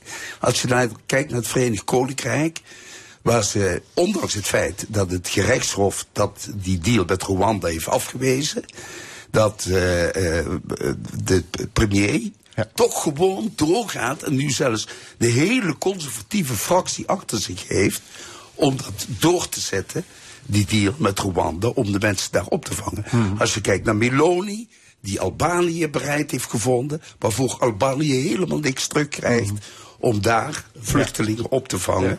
Kijk, iedereen gaat tot het uiterste op dit moment. En de Europese Unie zal zich daarin moeten voegen. Die zullen ook iets moeten gaan doen. En dat hebben ze ook al gedaan. En dat gaat steeds verder, denk ik. Die druk wordt steeds groter. Maar, en of dat, ja, dat, ik denk dat dat gewoon gaat gebeuren. Maar eh, kijk, nogmaals, tegen deals heb ik geen problemen mee. Als we die mensenrechten maar overeind houden. Ja. En daar lijkt het in ieder geval niet op. Als mensen zeg maar zomaar in eh, Rwanda eh, gedropt kunnen worden. Terwijl ze uit een ander land eh, afkomstig zijn. Dus wat dat betreft is dat een hele eh, eh, tricky manier van, eh, van die Sunak ook. Om dit zo te doen. Eh, er is ook veel verzet natuurlijk eh, tegen, eh, van alle kanten. En dat geldt ook die, die deal van, van Meloni. Eh, dus op zichzelf heb ik een zwaar eh, gemoed, zeg maar, als het gaat over de mogelijkheden van het beperken van de instroom. Als je dat eh, op deze manier doet, gaat dat echt niet lukken. Oké, we gaan ehm, van Rwanda eh, naar Californië. Dat ligt overigens eh, in, eh, bij Grubbevorst. Daar, dat is een kassengebied. Er is een maatschappij opgericht om daar gronden te verkopen. En de directeur van die maatschappij, ehm, die heeft zelf percelen opgekocht tegen een te lage prijs. En het probleem is ook nog dat die maatschappij die daarmee belast was, daar zitten gemeenten en de provincie, die zitten daarin in als aandeelhouders indirect. Hoe is het mogelijk dat zoiets kan gebeuren, eh, eigenlijk in een tijd dat we toch allemaal heel alert zijn op eh, bevoordeling, eh, onterechte bevoordeling, op corruptie, integriteit zijn we mee bezig. Het gebeurt gewoon waar we bij staan. Hoe is dit mogelijk, Maren?